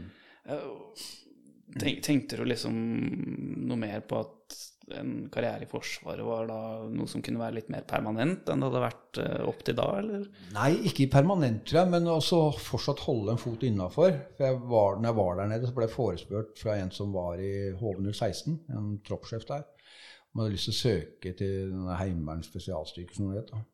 Jeg mener det het. Eh, det var vel eh, når vi var sammen der nede, og han anbefalte å søke der. Og så gjorde jeg det når jeg kom hjem. Så jeg var på et opptak der eh, rett etter at jeg kom hjem, mener jeg. Eh, og kom inn der. Mm. Og var der i ti år. Ti år, ja. Ja. Såpass. Mm. Kan vi snakke litt om hva HV016 var? Du har jo nevnt at det var Heimevernets eh, si, spydspiss. Ja. Men hva var rollen til HV016, og, og hva slags type ting gjorde dere mens du tjenestegjorde? Sånn jeg husker det, så vel, ble vel dette oppretta i 1987 rundt der. av Kåre Willik og dem. De skjønte vel at det var noe som het Spesnas, som kunne gå inn og slå inn eh, nøkkelpersonell og viktig infrastruktur i en tidlig fase. I, dette var under kalde krigen. Eh, så da blei de oppretta, og ble, da blei det henta mye folk fra mm, om det var eh, fallskjermjegere og litt sånne ting, som først og fremst ble satt inn til å kunne delta der. Eh, Så det var jo grunnen til å, at de starta det. Og da gikk det jo mye på vipper. da, At man skulle passe på nøkkelpersonell. Man kunne ha en styrke som kunne være en knyttneve og slå ut eh, hvis noen hadde forskansa seg et sted eller noe sånt noe rundt i Oslo. Og da blei det vel oppretta i de fem store byene i Norge. Det var Trondheim og Tromsø, Oslo, Bergen og Stavanger. Hvor eh, 016 ble oppretta. Så hver by og større byene skulle ha en sånn styrke. da. Mm. Eh, Så det, det gikk jo mye på tjenesten der. Det var jo livvakt eskorte og, og, og SIBO. Eh, Sanne ting. Eh, Ja, med mye trening. Pågripelse i kjøretøy, det var vel noe som også ble trent på, vil jeg tro? Ja, det var, det var mye forskjellige disipliner. Altså, det var, eh, og jeg følte at vi hadde god økonomi, tilgang på våpen, eh, utstyr, eh, ammunisjon, ikke sant. Alt mulig. Det, var- det, ikke, det sto ikke på så mye sånn jeg husker, altså. Jeg hadde god økonomi. Hvor, I og med at dette var en heimevernsavdeling, så vil jeg jo tro at det ikke var eh, heltidsansatte. Altså, hvor ofte var man inne og trente med Ja, 016? ofte var det, det var i hvert fall helg i måneden. Eh, så det var vel tre dager i måneden, vel. Og så var det vel en uke eller en elleve dagers øvelse en gang i året. Så det var jo månedlig, dette her. Og det krevde jo også trening på egen hånd. At du var i form. Eh, det var jo ikke helt heldig å komme der og ikke følge med, for det var jo mye forskjellige øvelser som krevde mye fysisk. Det var det. Vi har prøvd å fiske litt rundt eh, hvordan opptaket var eh, til HV016 tidligere. Har du, har du noe, noe å si om det? Nei, ikke så mye, men det, det, det, i de ti åra jeg var med, så var det mye forskjellige opptak. Men det går mye på fysisk, rett og slett. Det å kunne ha det vondt, det å kunne fryse, det å kunne være sulten. eh, Det å bli utsatt for at noen står og skriker og stresser deg og sånne ting. De vanlige disiplinene der, da. det Du blir testa ut på mange forskjellige måter. Starter gjerne alltid med en fysisk en 5000 meter eller 3000 meter, og så ja, kjøre på. Lite søvn. Hva tenker du rundt sånne generelle tips til hvordan man skal skru hodet for å komme seg gjennom en type opptak eller seleksjonsprosess? For min egen del så er det alltid sånn at eh, det gjør vondt. Det gjør vondt å ha det vondt, eh, men å flytte fokus framover, da, som jeg alltid tenker ikke sant? Hvis jeg på, skulle vært på opptak på 016, da, så drar du kanskje en fredagsmorgen, og så skal du ut igjen på søndagskvelden. Eh, så tenker jeg mandag, det blir fint. Da kan jeg dusje og spise og kose meg. og sånn, Så prøver jeg å ha fokus på det, og så bare leve litt i flyten i den mellomperioden. da, At jeg hele tida henger på en knagg der framme. At eh, ja, dette gjør vondt. Det gjør vondt å fryse og stå i den pytten her nå kliss naken og ha det ugreit. Men jeg dauer jo ikke av det. Alltid sånn, Jeg dør ikke av det. Samme som jeg driver og holder foredrag. Jeg hater å holde foredrag. Jeg syns det er ugreit. Men jeg dauer ikke av det, så jeg kan utsette meg for det. Og så er det veldig godt etterpå. Og det er bare et lite knips i livet ditt uh, av tid. ikke sant?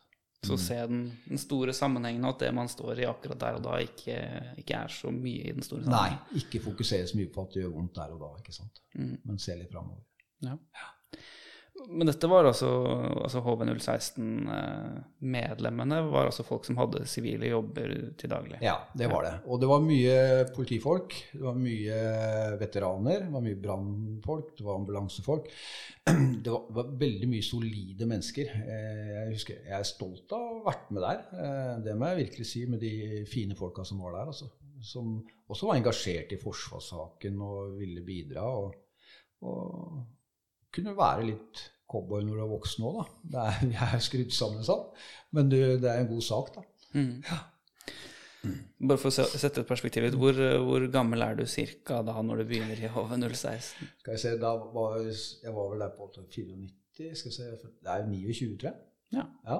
Ja. Også, Og så var du der kanskje helt til den avdelingen eh, Nei, den, jeg ga meg 04. Ja. Eh, Sunde la vel ned i 2010, mener jeg. Riktig. Ja. Mm. Eh, Det var jo litt etter din tid, men eh, hva, hva tenker du rundt, eh, rundt det? jeg syns det var trist at en sånn slag En sånn styrke som det der skulle bli nedlagt med de engasjerte menneskene og alt de har bygd opp. Men det er ikke jeg som sitter med planverk og alle sånne ting. Men det er skrevet og sagt mye om det. Eh, Jeg skal ikke uttale meg så mye om det, men jeg syns det var jævlig trist. Men jeg har jo hørt at Derby også og sånne ting er jo, det er jo bra, solide greier. Så noe har jo kommet godt ut av det også, sånn heter det. Ja, vi får jo håpe at uh, innsatsstyrkene har i hvert fall tatt opp eh, noe av det, og videreført noe av det som eh, vi tapte med HV016. Det er jeg ganske sikker på at de har. Men da hadde man altså en fot innenfor Forsvaret da, når man var i en sånn avdeling. Det var kanskje en vei inn til uh, flere ting i, i Forsvaret Ja, senere også. ja, det er nok det, eh, vil jeg tro. Eh, For det som sagt mye trening, mye greier, og du bygger bekjentskaper og kjenner folk og sånne ting. Så, så hadde jeg vel lyst til å reise ut igjen, men jeg hadde ikke planlagt noe. Men jeg fikk forespørsel om å reise til Bosnia. Det var vel eh, mai 99, tror jeg det var. Eh, forespørsel på det. Mm. Og det takka jeg ja til. Så der hadde man eh, en, en litt grundigere oppsetning, kan man si. Da. Ja, det var vel litt andre ting skulle læres òg, eller gås gjennom. da. Dette her var jo etterretningstjenesten. Eh, å reise rundt og snakke med mennesker i konfliktområder. Så det var det oppgaven der gikk ut på. Mm. Mm. Hvordan er måte, veien inn dit, da, fra å være eh, en heim- eller en HV016-soldat? Nei eh, det, det var vel Det går mye på bekjentskaper. Du lager deg et nettverk i Forsvaret og, og, og sånne ting. Og noen er borti litt forskjellig, og da ser vel noen at kanskje her, det kan du passe til, og så får du en forespørsel, og så blir du testa ut om det er noe du passer til. Og i den perioden eh, Ja, jeg jobba vel eh, litt i Oslo kretsfengsel etter at jeg kom fra Somalia, og så begynte jeg i barnevern, som jeg har fortsatt med siden. Og der treffer du mange mennesker på forskjellige faser i livet. da. Kan, noen kan ha noen diagnoser og ustabile eh, mennesker eh, som driver med rus og alt mulig. Og det var en veldig god ting å ha med seg inn i den jobben her. Å treffe mennesker på forskjellige nivåer i livet og som ikke er helt A4. For å gå inn og snakke med dem. Mm. Jeg skjønner at det er en stor del av, av livet ditt nå, eh, og har vært det en stund, og jobber med barnevern, som du sier. Men eh, hvordan, hvordan eh, oppsto den holdt på å si, karrieren eller den interessen? Ja, det var vel etter at jeg kom fra Somalia, så tenkte jeg at jeg, nå har jeg ikke lyst til å snekre mer. Jeg er veldig glad for at jeg tok det yrket. Du har jo eget hus og kan snekre mye der, og tok på seg en del småjobber. Men også søkte jeg jobb i Oslo kretsfengsel etter Somalia. Og hadde lyst til å prøve det. Jeg visste egentlig ikke helt hva jeg skulle. Bare ikke snekre mer. Og så fikk jeg jobb der, og så var jeg der vel ca. et års tid, tror jeg det var. Og der treffer du jo mennesker på livets skyggeside, rett og slett. Jeg jobba på noe som het førsteavdeling i Oslo kretsfengsel. Og det, der var det jo folk som ja, voldtektsmenn, drapsmenn, eh, satt for mye ugreit. Og så fikk jeg en ganske god dialog med disse menneskene her. Eh, det å vise respekt for andre og likevel sette de grensene du må da, i forhold til et sånt system. Men det fungerte veldig bra, så det tente meg litt. Og så tenkte jeg at jeg hadde lyst til å jo, så var det vel sånn at det var noen ekssoldater som hadde starta et um, firma nede i, i Arendal som tok med ungdom opp på fjellet. Eh, gjerne av de mest røvere i hele Norge, da, for å lufte dem litt der oppe. Sånn 14-dagersturer og tre uker opp på fjellet med havregrøt og sovepose. Så fikk jeg forespørsel om det, og så ble jeg med på en sånn 14-dagerstur der eh, med en røver. Og sammen med en annen også, så ansatt. Eh, prøvde meg på det, og da tenkte jeg at nei, barnevern er noe jeg kunne tenke meg. Fikk også de, god dialog med den stakkars gutten som måtte fly opp på fjellet der rett fra gata i Stavanger. da. Var det litt sånn eh, frivillig tvang? eh? Ja, det var, det var ikke frivillig, det. Det var, det, var sånn. det, det var ikke mye frivillig. Det var vel siste sjanse for mange av dem.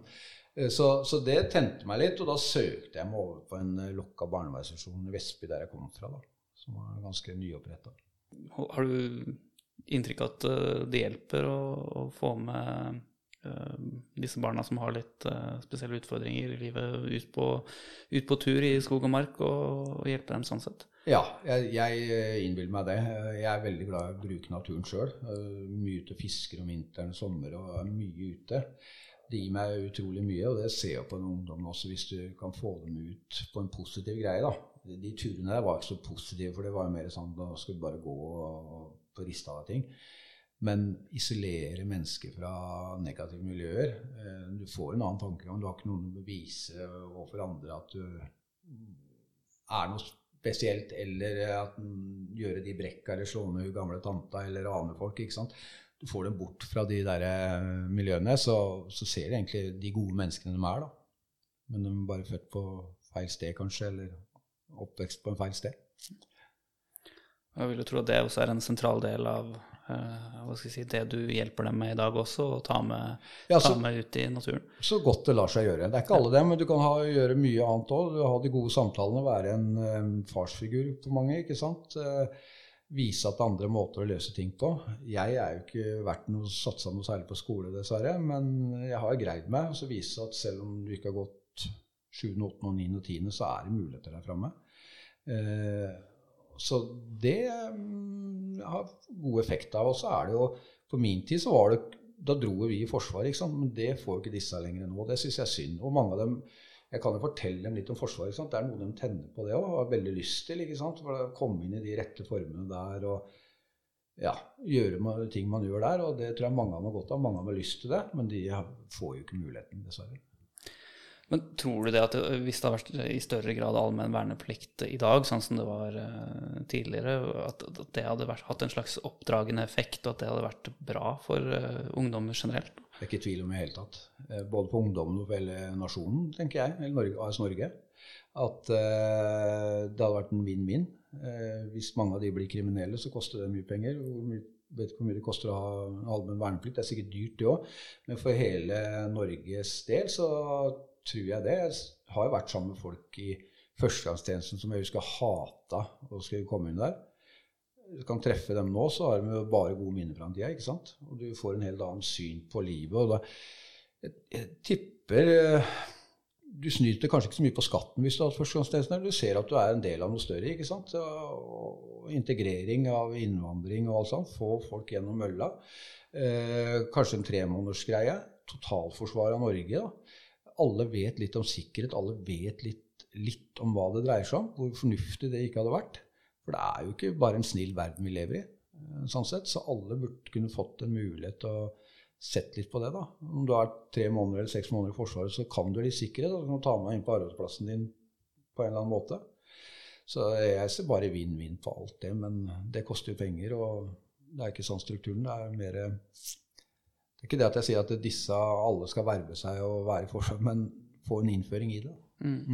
Så for å sette litt på spissen, så tror du at kanskje litt færre ville havnet hos deg i dag, hvis de faktisk hadde vært Ja, gjennom eller har fått et godt, bedre liv etter at de har vært hos eh, oss. da. Mm. Mm. Du nevnte Etterretningstjenesten og et mulig utenlandsoppdrag til. Hvordan eh, var den perioden? Nei, det var interessant, det. Eh, veldig. Eh, å få opplæring i forskjellige ting, selv om man også hadde en viss formening om åssen det var. Eh, så dro til Bosnia i sommeren, var det vel 99. Og da reiste du og bodde sammen med noen i forskjellige Da bodde du gjerne ikke i hus, da, men i Fobla, eller Forward Operation Bases. da. Så du bodde rundt med sivilbefolkninga. Mm. Hvordan, eh, hvordan var stemninga i Bosnia på 90-tallet? Det var jo, Fredsavtalen var jo skrevet med Dayton-avtalen var jo skrevet i 95, vel. Så det var jo egentlig fred, men, men hatet lå jo der, eh, det var jo der mellom folkegruppene. Så det var ikke noe god stemning eh, i Bosnia eh, blant folkegruppene. Det var det ikke i det hele tatt. Og da fikk du jo mye forskjellige oppdrag der nede. Det er ikke så mye jeg kan si om det, men du får tips om en massegrav. Jeg jobba mye rundt i Srebrenica-området. Og drar og sjekker der om det var en massegrav. Så kommer vi ut på et jorde, og så ser jeg at her er det jo et eller annet. Og det var jo menneskedeler som lå oppe i fjella, bare skyfla tydeligvis det var dårlig tid, den som begravde dem. da. Og Skrapa jorda og så putta dem nedi, og så hadde han hivet Eller trykka opp eh, kropper og alt sånt. Så det lå utover hele der. Litt sanne ting. Og så reiste rundt og snakka med forskjellige mennesker for å finne ut åssen ståa var. Eh, men eh, det hatet mellom dem var ganske sterkt. Det var fra alle, alle parter vel, på den tida. Den konflikten på Balkan er jo litt nyere tid, og, og sikkert kjent for flere, men eh, kan du sette det bare et litt eh, bredere perspektiv? Dette her var etterdønningene etter Ja, tidlig, tidlig Jugoslavia, som Tito hadde kontroll på en gang i tida, så blei det oppløst. Og da var det jo serbere, kroater og bosniakker i Bosnia-området. Og så blei jo alt dette her skilt til flere forskjellige land, da. Serbia, Bosnia, Montenegro og ja, var flere land der nede. Eh, Kroatia ble selvstendige. Og da var vel den borgerkrigen i forkant av dette her at alt eh, skjedde. Med om kamp om landområder. Og alle folkegruppene var jo miksa i hverandre. da, Bodde over hele. Så det skjedde jo mye stygt der. Eh, det er sikkert mange som har sett TV-bilder av sånn konsentrasjonsleir og, og, og ja, voldtekter, drap. Arkan eh, der nede. Så er det klart Serbia har fått mye kritikk. Bosniakene skal vel kanskje ha en del kritikk også. Det, ja, det var mye ufint som skjedde mellom mennesker, og det er litt trist å se så seint i historien at du ikke har lært. Mm. Det var vel uh, de største krigshandlingene som skjedde i Europa etter andre verdenskrig. Det var det. Og mest grusomme som kan tenke Ja. det. Ja. Og Dette her måtte dere holdt på å si, prodde, prodde litt i, Ja, i etterkant. Ja. reise rundt og snakke med mennesker for å hente ut relevant informasjon da, som kanskje Nato trengte. Mm. Hva var hensikten der på en måte å, å, å, å jakte på de som var ansvarlig for dette? Ja, helt klart kartlegge krigsforbrytere og alt sånt. Og du snakka jo med mange krigsforbrytere òg, ikke sant. Eh, Men du skal jo helst være kompis med dem, da. Du må svelge noe med meler i yrket der. Mm. Hvordan var disse, var disse menneskene? Altså, er, går det an å forstå hvorfor disse tingene her skjedde? Jeg kan ikke sette meg inn og skjønne det, men jeg kan vel kanskje hvis vi hadde bodd her i Norge og noen hadde voldtatt dattera mi og banka kona mi fra nabobygda der, og sånt, så hadde det kanskje utløst noe hos meg òg. Da trenger du ledere som kan dempe flammen og ikke hive flammen opp i lufta. da, ikke sant? Eh, så til en viss grad så kan man jo skjønne at sånt noe skjer, men også være så grusom mot andre mennesker, uskyldige eh, likevel, da, bare for at du har tilhører den og den folkegruppa, det er uforståelig. Var det noen spesielle hva skal jeg si, egenskaper du hadde som gjorde at du, du havnet i den rollen? Eh, Kanskje, Det har jeg aldri spurt om. Jeg har lest i tjenesteuttalelsene mine. Det står at jeg er ganske rolig og kan prate med mennesker og kan sikkerhet. Du har kanskje bygd opp en del sikkerhetsmomenter med å ha vært i 016 i 10 år, vært i andre oppdrag rundt omkring. Så, og fra barndommen bare kriga, så har du bygd opp en del rutiner da, som er greit å ha med seg inn der. mm. Reise rundt og ligge på hotell hvor ingen liker deg, så er det greit å tenke litt plassering inni Hvor skal senga ligge? Hvor i senga skal du ligge? Skal du flytte senga så ikke de kan skyte gjennom døra? Masse sånne momenter som man hele tida måtte ha med seg. å, Og, um, var du, var du tilknytta ei militær avdeling som om at det var noen form for sikkerhet i tall, eller var det litt uh, mer nei, det var nok mer eh, Du er nok eh, litt left alone, altså. Mm. Og skal greie deg sjøl. Til en stor grad. Ja. Jeg lurte også litt på, du nevnte det når dere skulle gå og etterforske um, mulige krigsforbrytelser og sånt, eh, eventuelle massegraver.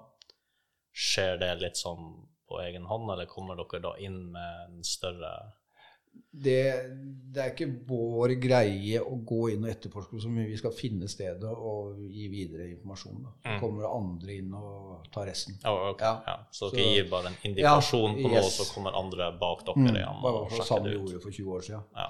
Vet ikke åssen det er nå, men uh, det var greia. Vi skulle ikke legge oss for mye borti det. Nei. Nei. Men var dette en, eh, et slags engasjement som hadde en eh, tidsbegrensning? Ja, det var også seksmånederskontrakter. Ja. Sånn sett så var jeg vel der ca. seks måneder, og så fikk jeg forespørsel om å bli med på samme avdeling over til Kosovo. Så dro jeg til Kosovo det var vel i jula 99, var det. Så da dro jeg over dit. i Samme avdeling. Var det på en måte back to back? Det var ikke noe særlig glippe mellom de to, eller hvordan var det? Ja, det var sju dager hjemme, tror jeg. Ja, jeg mener det var det. Ja, såpass. Ja, ja. Men da er du jo nesten på vei over til å, til å være en eh, hva skal jeg si, heltidsansatt? Ja, akkurat der og da, ja. ja. Så jeg, jeg var vel 15 måneder på Balkan til sammen, tror jeg. Så hadde jeg vel eh, den sjudageren der, og så hadde jeg vel et par sånn treukers To-tre uker ved siden av der, tror jeg. Mm. Så det gikk i ett. Men er dette type ting som, som fungerer på samme måten som, som disse andre utenlandsturene, at når du er ferdig med oppdraget, så er du bare sluppet fri Ja, ut i det sivile? Det var sånn i den avdelingen der, så det var liksom bare på kontrakt, da, sånn sett. Det var en veldig fin avdeling og fungerte bra. Det, jeg, jeg hadde ikke behov for noe mer heller, for min egen del. Eh, Det hadde jeg ikke, men jeg veit om det er flere som kanskje hadde større behov. Så, men det var den gang da, 20 år sia. Åssen det fungerer nå, sikkert på en helt annen måte. Og nå er vi mer yrkesmilitære, sikkert. Vi var jo litt sånn på kontrakter som er kalt inn, da, med en viss bakgrunn. Mm. Skjønner. Men du var fortsatt ikke der at nå, nå ønsker jeg å være en permanent eh, del av Forsvaret? Nei, jeg var ikke det. Nei. Jeg var ikke det.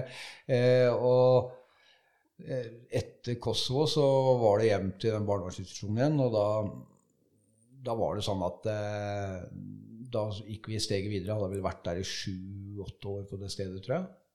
Nei, det, jo, og da begynte vi å tenke litt i andre baner. og Avdelingslederen min spurte om ikke vi skulle starte en egen barnevernsinstitusjon.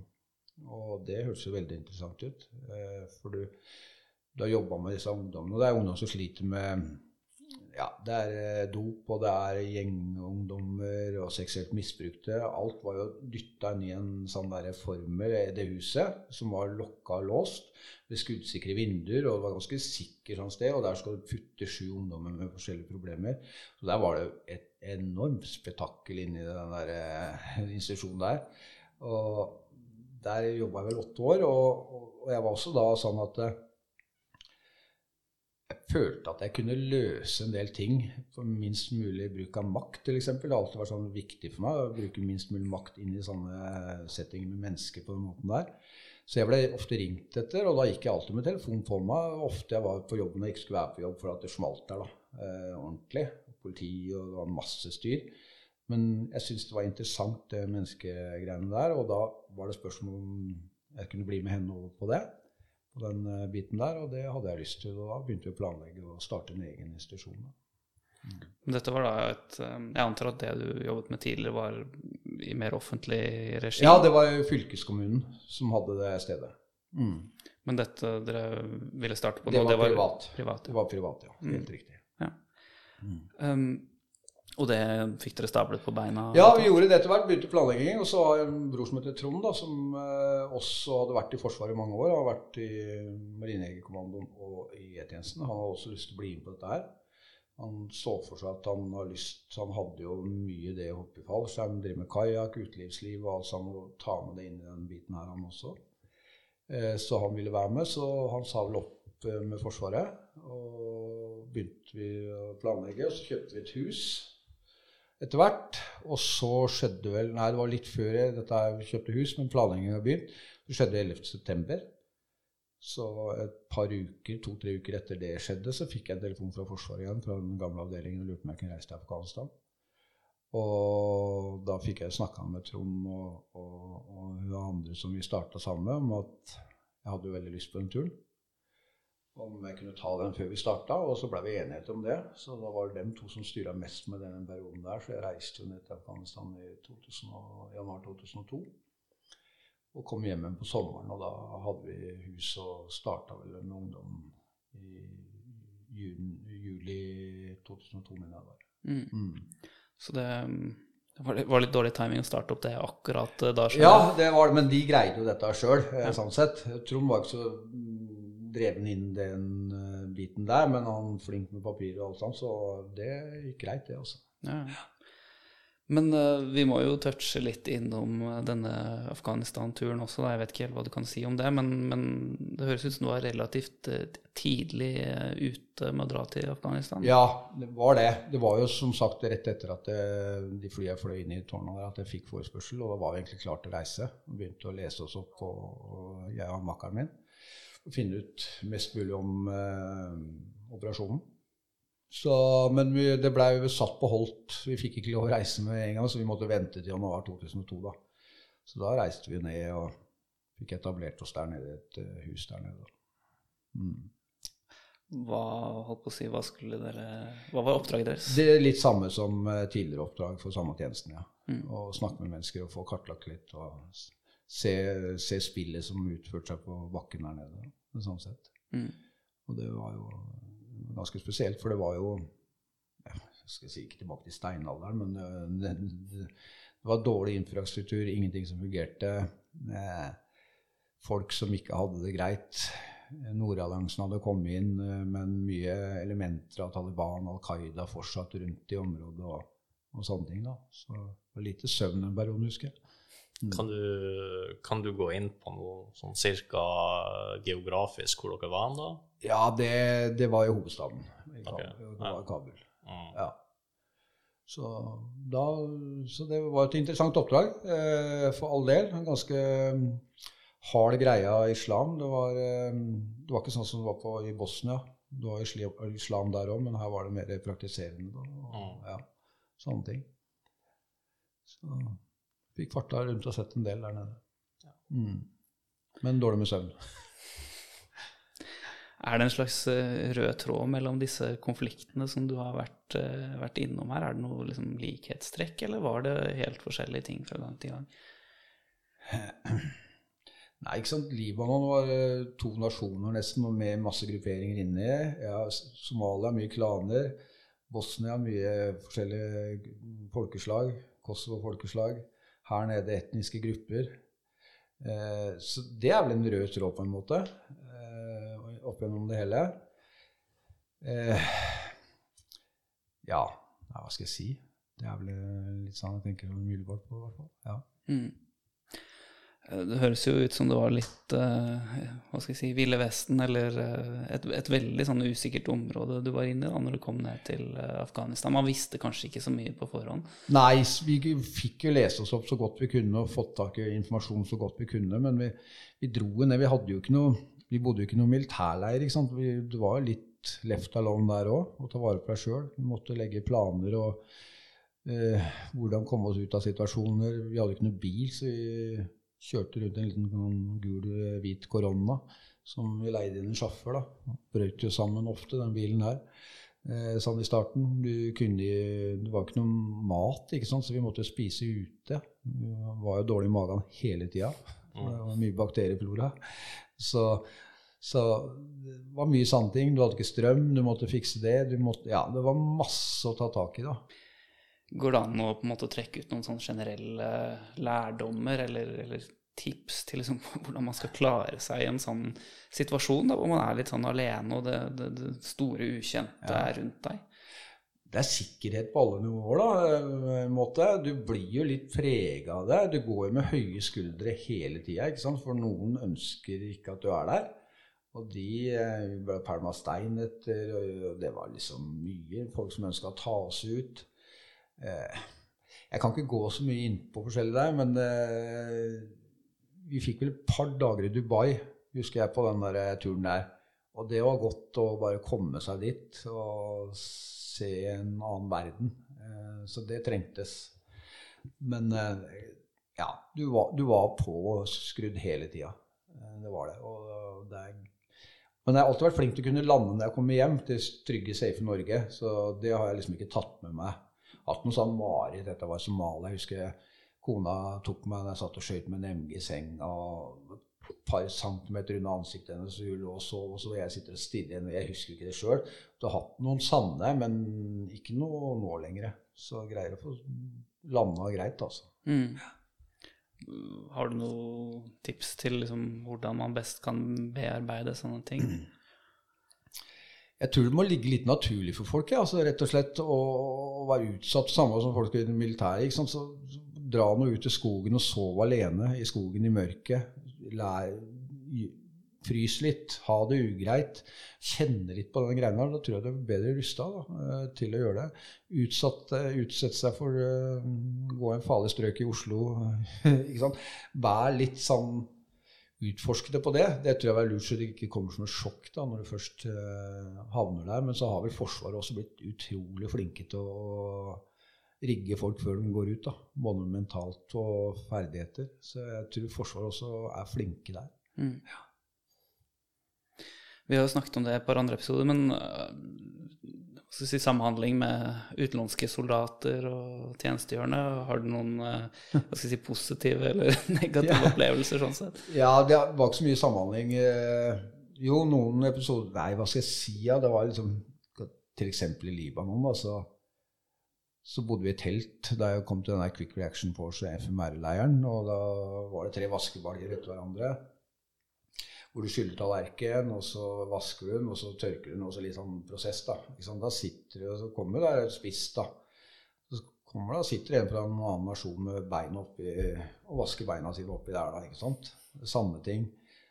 Så fikk vi sånne kavl i sånn tubeost, husker jeg. Fikk tak i den i og kjørt fra norske leiren der.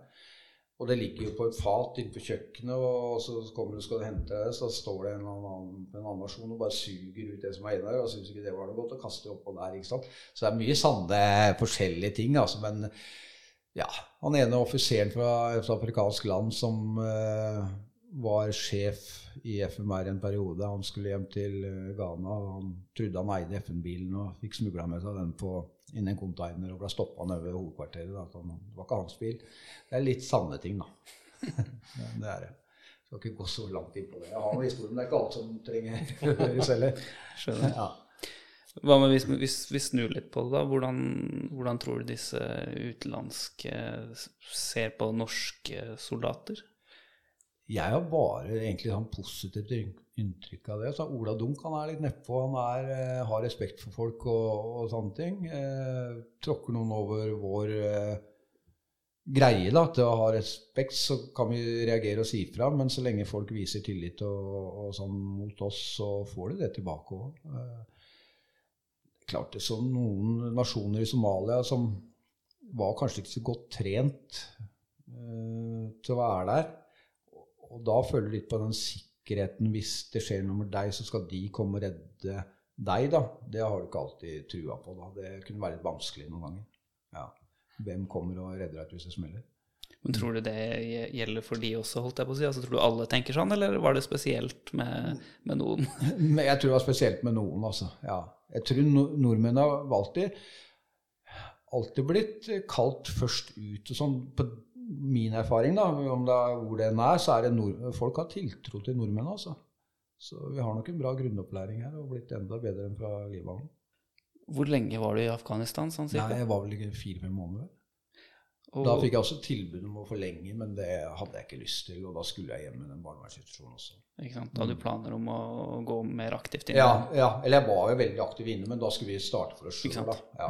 Mm. Men uh, det var fortsatt noen år igjen i den HV016-karrieren? Ja, da gikk jeg vel uh, Så jeg var vel sånn I starten så var det sånn mest med livvakt og skorte fire første åra. Seks siste åra var skarpskytter i 016. så da er jeg tilbake der, og, og der er jeg litt tilbake. Du nevnte noe om det å være skjerpa i stad, for da skulle vi på en øvelse. Da kom jeg rett hjem fra Afghanistan, så skulle vi på en øvelse, og da skulle vi angripe et bygd. Og liksom jeg hadde ikke helt kontroll på utstyret mitt, da. men fikk raska sammen og dratt på den øvelsen. Og så, da skulle jeg være med en angrepsstyrke som går inn på bygget. Da Da står du jo utafor døra og venter, og du skal inn entre, ikke sant. Og der er det jo åpent.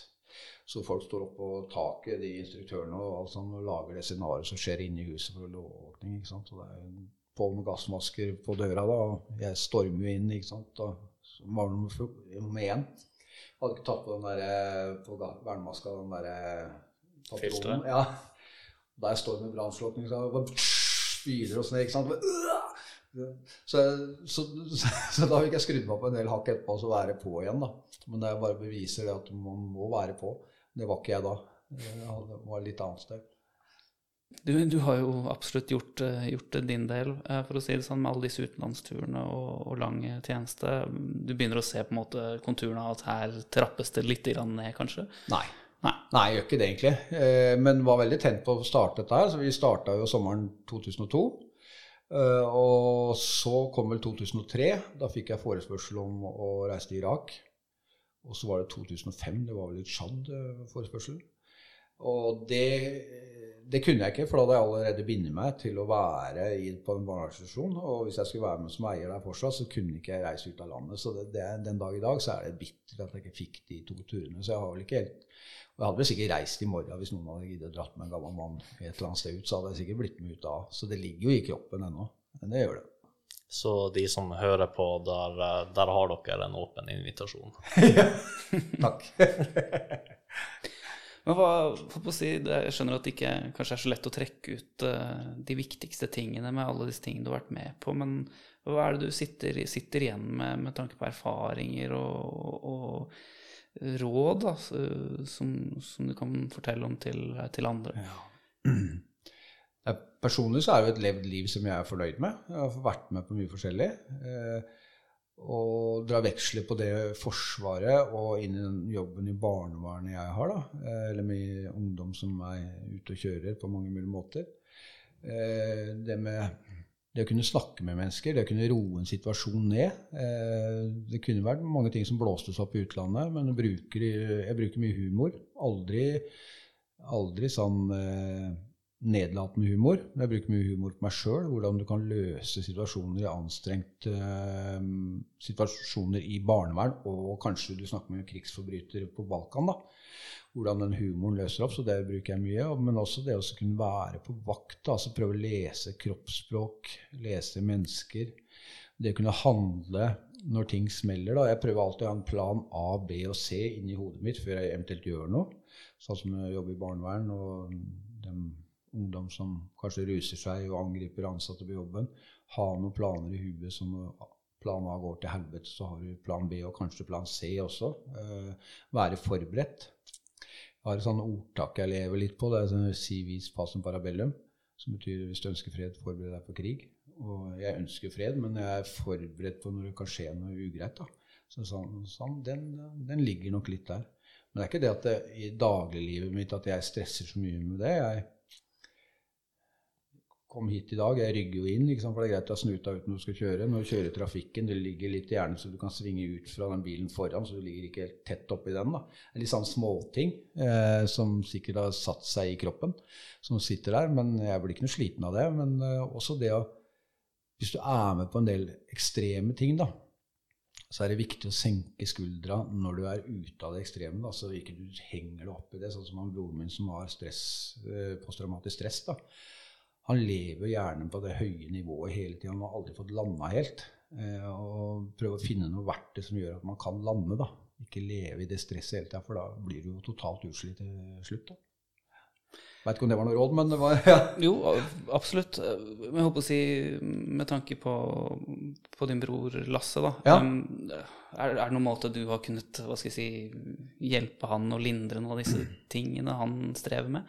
Nei, jeg prøver å være der så klart for han hvis det er noe. Og dette har jeg vært i mange år eh, for hans del. Eh, Prøve å være støtte, men det er vel sikkert alle de, vi fire brødre vi skal liksom ikke be noen om hjelp. Vi er sikkert litt eh, hjerneskade der alle sammen. Så det skal mye til for han ber om hjelp til noe som helst. Men prøve å lese det at kanskje hvis han trenger hjelp, så kan jeg ringe han eller si, snakke med han. da.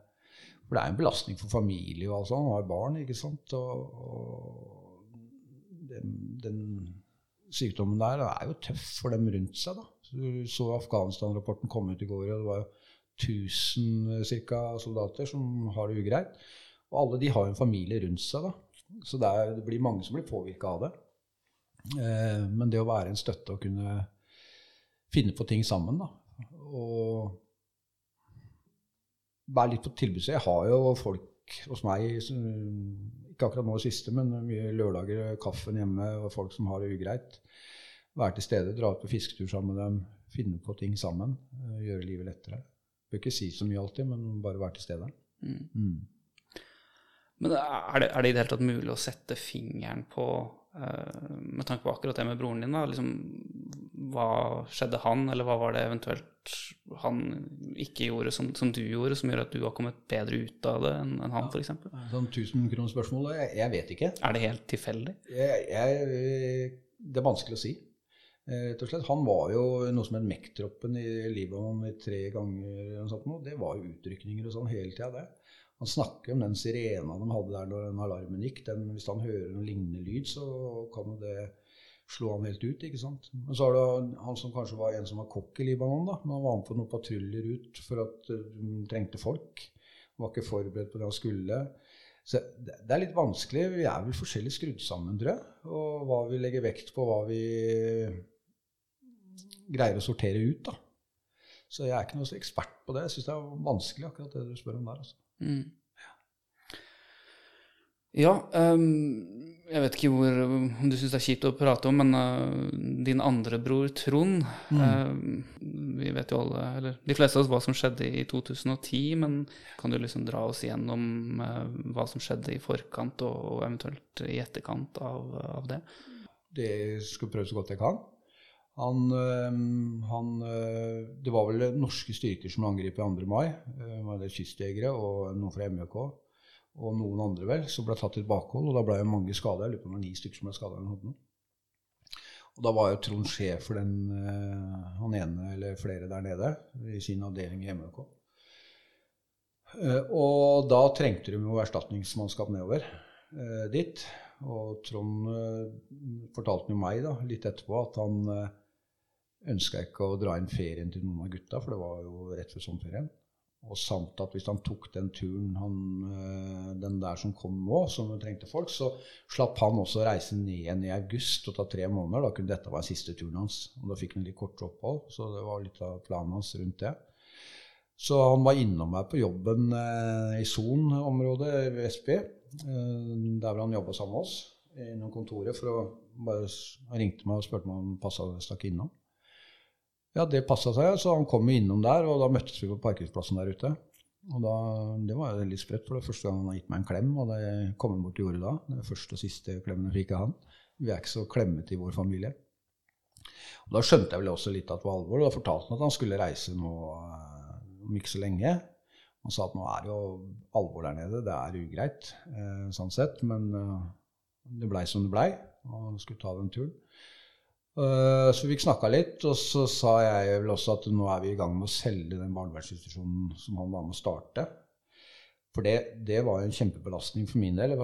Du var på døgnet rundt i nesten ni år, vel. Sånn telefonen ringte hele tida. Eh, julaften, nyttårsaften.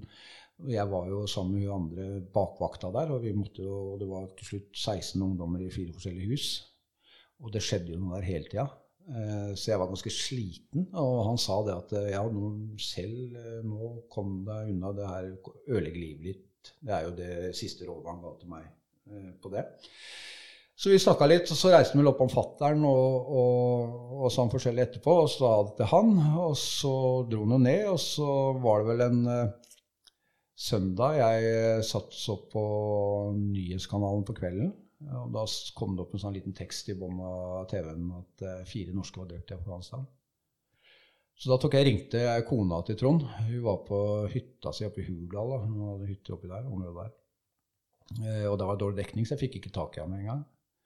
Og ringte flere ganger, og til slutt så fikk jeg tak i henne. Og så spurte jeg om det var jeg hørt noe, for det var fire norske som var drept. i Afghanistan. Hun hadde ikke fått med seg det, for det var vel ikke noe særlig tilgang på en sånn TV og sånn der oppe. Hun hadde i hvert fall ikke fått det med seg. Og så sa hun nei, men det er nok ikke noe stress, mente hun da, for at eh, hver gang de er involvert i et eller annet, så vil de få en telefon, tekstmelding om at alt vel med våre.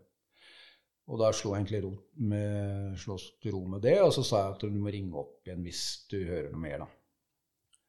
Så da la jeg på, og da gikk det vel en halvtime. Da fortsatte jeg å se på nyhetene eh, om dette her. Visste jo han var i området der nede. Og da ringte jo telefonen, og det var jo kona igjen, da. Så jeg ringte og sa at eh, hun sa vel bare at det var et rom. Da kjente jeg at det gikk sånn kaldt nedover meg. Og så hvem skal du snakke med sjefen til Trond, da? For da hadde jo lensmann og en prest fra Sjøforsvaret og øh, sjef for Marinekommandoen reist rundt for å finne kona til Trond da, for å gi beskjed. Ikke skulle få på telefon, men ta det muntlig face to face. Eh, men visste ikke hvor jeg var, så det hadde holdt på i mange timer å leite etter. Til slutt så reiste de opp på den hytta da, og fant henne der. da. Eh, og, og da husker jeg det første jeg spurte om, var om det gikk fort. For da hadde jeg greid å koble på en eller annen greie om at eh, Håvard ikke lidde. da. Og da sa vel han at det er med 99% sjanse så gikk dette, var det bare et lysglimt, så var det over. Så Så det var egentlig godt oppi det der, for du prøver å være rasjonell. Du er vel litt sånn du er og vært en del ting, så prøver du å holde hodet kaldt, da, eh, rett og slett. Og så, så spurte han om jeg ville ha en prest som kunne snakke med brødrene mine og faren min eh, for å varsle. Eh, For mutter'n var død, hun døde i 2004, så det var jo ikke noe hensikt. Men eh, om jeg trengte hjelp til det, og det sa jeg pent nei til, at det trenger jeg ikke. Det jeg skal sørge for å få varsle dem sjøl, da. Så da blei vi enige om det, og så la vi på. Og så skulle jeg gi beskjed tilbake når jeg har fått varsla dem, da. Var, pressen var veldig på for å få gitt ut navn og hvem som hadde Ja, så mye styr rundt det. Så da fikk jeg reist hjem til fattern først. til han. Jeg ringte vel han eldstebroren min på vei opp, og så ga beskjed, og så ringte jeg på hos fattern. Og jeg fikk ikke noe svar. Klokka var ett-halv ett-ett om natta, ja, så han hadde vel lagt seg. Eh, så jeg sto nede der vi, vi hadde inngangen i barndomshjemmet, og han, så hørte jeg verandadøra gikk opp oppe, og da kom jo han glemmer aldri synd han gamle mannen kom ut der og eh, sto og så på meg. Og jeg så på han, og han sa vel egentlig Jeg sa egentlig ingenting i starten. Og så sa han 'Er det Trond?' sa han. Ja, det er Trond, sa jeg. Ja. Så det hadde vel han Han sa i ettergang en følelse på at noe ville skje den siste runden her med Trond. Så da var jeg der litt, og så reiste jeg opp til Lasse og fortalte han det. Uh, det var ganske tungt å ta den runden der, det skal jeg ærlig innrømme. Men jeg prøvde å være klar hele veien, og så dro jeg hjem. Jeg var separert fra kona akkurat den perioden der, eh, så jeg bodde et litt annet sted. Og da stoppa jeg skogen og satt meg der. For jeg har alltid søkt skogen mye for forskjellige ting. Jeg stortrives i skogen, og det gir meg mye å kunne gå rundt der. Så jeg satt vel der et par timer, og så dro jeg hjem og la meg for å dra til eh, kona dagen etter. Så sto opp, og da var det jo mye kontakt med familien og sånn der da, så vi skulle reise, skal reise opp til Toten, og eksen min skulle også opp dit. Jeg er gift med henne i dag, altså det har aldri fungert så bra, men eh, vi hadde en liten timeout for jeg trengte litt fri for et eller annet, tror jeg. Men, eh, så vi møttes der oppe, og det var jo krise, det. Familiekrise, venner av kona til Trond, og Forsvaret kom jo tungt inn og skulle hjelpe til og alt sånn. Eh, Så da mm, holdt jeg også hodet Jeg greide ikke helt å ta det innpå meg, selv om det var kjempetrist alt sammen. Så jeg, jeg holdt det gående hele veien og sørga for å ha arbeidsoppgaver hele tida for å ikke slippe det inn på meg. Så jeg klipte plen, jeg gjorde ærend. Det var mye skulle planlegges med, med begravelsen. Fors, jeg blei på en måte et sånn bindeledd mellom Forsvaret og familien da. Eh, så jeg hadde mye kontakt med han ene fra MØK om alt mulig. Og det var jo så fattern måtte ta DNA-test, for det var jo en kroppsdeler de ikke hadde kontroll på i forhold til den sprengninga. Så jeg måtte snakke med faren min om det, så litt sånn tunge ting, da. Men eh, gikk og gikk og gikk og holdt det gående. Og så spurte Bjørg etter kona til Trond da, etter noen dager om Jeg husker ikke hvor mange dager det var, jeg var litt sur akkurat det tiden der. Men at han hadde et svært vindu som han hadde kjøpt inn til å bytte på kjøkkenet. Og vi hadde jo snekra sammen i mange år, jeg og Trond. Så, så sa jeg kjempefint, jeg var bare glad for å få de oppgavene. Skulle bytte ut det, da. Og da spurte jeg hvor, hvor han hadde verktøyet sitt, og vi forklarte ute i bua der og bla, bla, bla. Sånn. Det ligger der, så bare bruk det. Så dro jeg ut for å hente verktøy da, for å ta ut det vinduet og sette inn i nytt. Og da Det tror jeg fire-fem dager etter at vi kom opp der, jeg tror jeg, sånn noe. Og da kom jeg inn på det der eh, eh, skjulet, da, eller vedskjulet, eller der det sto det verktøyet, og da ser jeg den verktøykassa til Trond stå rett foran meg. da. Og den husker jeg tilbake fra 87-88 eh, og sånne ting. Og da begynner det å skje et eller annet med meg, og så ser jeg at det stikker opp til verktøy. Og teipen hans, han hadde vel blå teip, jeg hadde gul teip på mine verktøy, og vi stal litt verktøy av hverandre og bytta teip for å ha det beste verktøyet. Og når jeg står der i inngangen der, så ser jeg på det, da får jeg en total kollaps. Da begynner eh, beina å skjelve. Jeg mister kontroll på kroppen. Jeg har ikke kontroll, og, og tårene bare renner nedover. Og da går jeg ned for telling, rett og slett. Legger meg på gulvet der og får ikke stoppa gråten eller skjelvinga på en god stund. Men jeg ligger der i flere timer, da. Og og det var litt sånn, Jeg hadde en liten greie før da jeg som jeg nevnte i sted, snakka med han sjefen for Marinekommandoen. Når jeg la på med han når jeg skulle ut og varsle familien, da måtte jeg også ta en 20 minutters telling. Men da gråt jeg ikke, jeg hadde ikke skjelving, jeg bare lå på gulvet og alt gikk rundt for meg. For det blir voldsomt uh, hva du får vite. Uh, og da lå jeg på gulvet i ca. 20 minutter, men da begynte jeg med Fredrik, nå må du faen meg ta deg sammen. Nå må du prøve å være sterk, du må stå på. Nå må du komme deg på beina, skyld synd på deg sjøl. Kom deg på beina, ut og varsle. Så det hadde jeg litt i forkant, men ikke i nærheten av det jeg opplevde nå. Og da, da lå jeg der i mange timer. Eh, ingen som merka at jeg var borte. Så jeg kom jo til hektene etter hvert igjen og fikk gått ut og vært så normal som mulig. Og fortsatte etter det med å prøve å gjøre ting hele tida. Så da hadde jeg gått og holdt så lenge på det at det er bare kroppen som sa fra, rett og slett. Ja. Mm. Så du hadde jo den teknikken du nevnte tidligere med å legge ting i den eh, skuffen, eller Mm. Håper å si, Det var noe du prøvde her også, men det, det bare funka ikke? Prøvde så godt jeg kunne, og det hjalp ikke når jeg traff på den verktøykassa. Da, det bildet og de minnene gjorde at det tok over. Og det, det er, jeg har vel prøvd å lære litt av det også, at du ikke putter altfor mye i den der sorte boksen, for den kan jo bli full, og det kan bli ugreit. Mm. Ja. Sånn i ettertid, da, er det fortsatt i den svarte boksen, eller er det Ja, halvveis nei, jeg har, mm, jeg har det Jeg tenker på Trond hver dag, rett og slett. For du har vokst opp eh, tett eh, med dem. Du har hatt kontakten opp gjennom hele livet. Litt i sammen i Forsvaret. Så, så han er med meg hver dag, eh, sånn sett. Det er noe det, det er jo litt sånn, Jeg er sikkert en gammel og sentimental kar òg, men jeg, liksom, jeg, jeg har vært flink til å ta vare på alle ting gjennom åra. Fra Libanon oppover. Så jeg har et sånn egen gutterom, da, bunkeren som jeg kaller det. Der har jeg mye minner og sånn, så der kan jeg gå inn og sette meg noen ganger og spille musikk. og Der har jeg alt av militært utstyr. altså med liksom noen bar og konjakk. Jeg og Trond drakk mye konjakk sammen. sånn konjakk og skål for han, og, ja, Så han er med.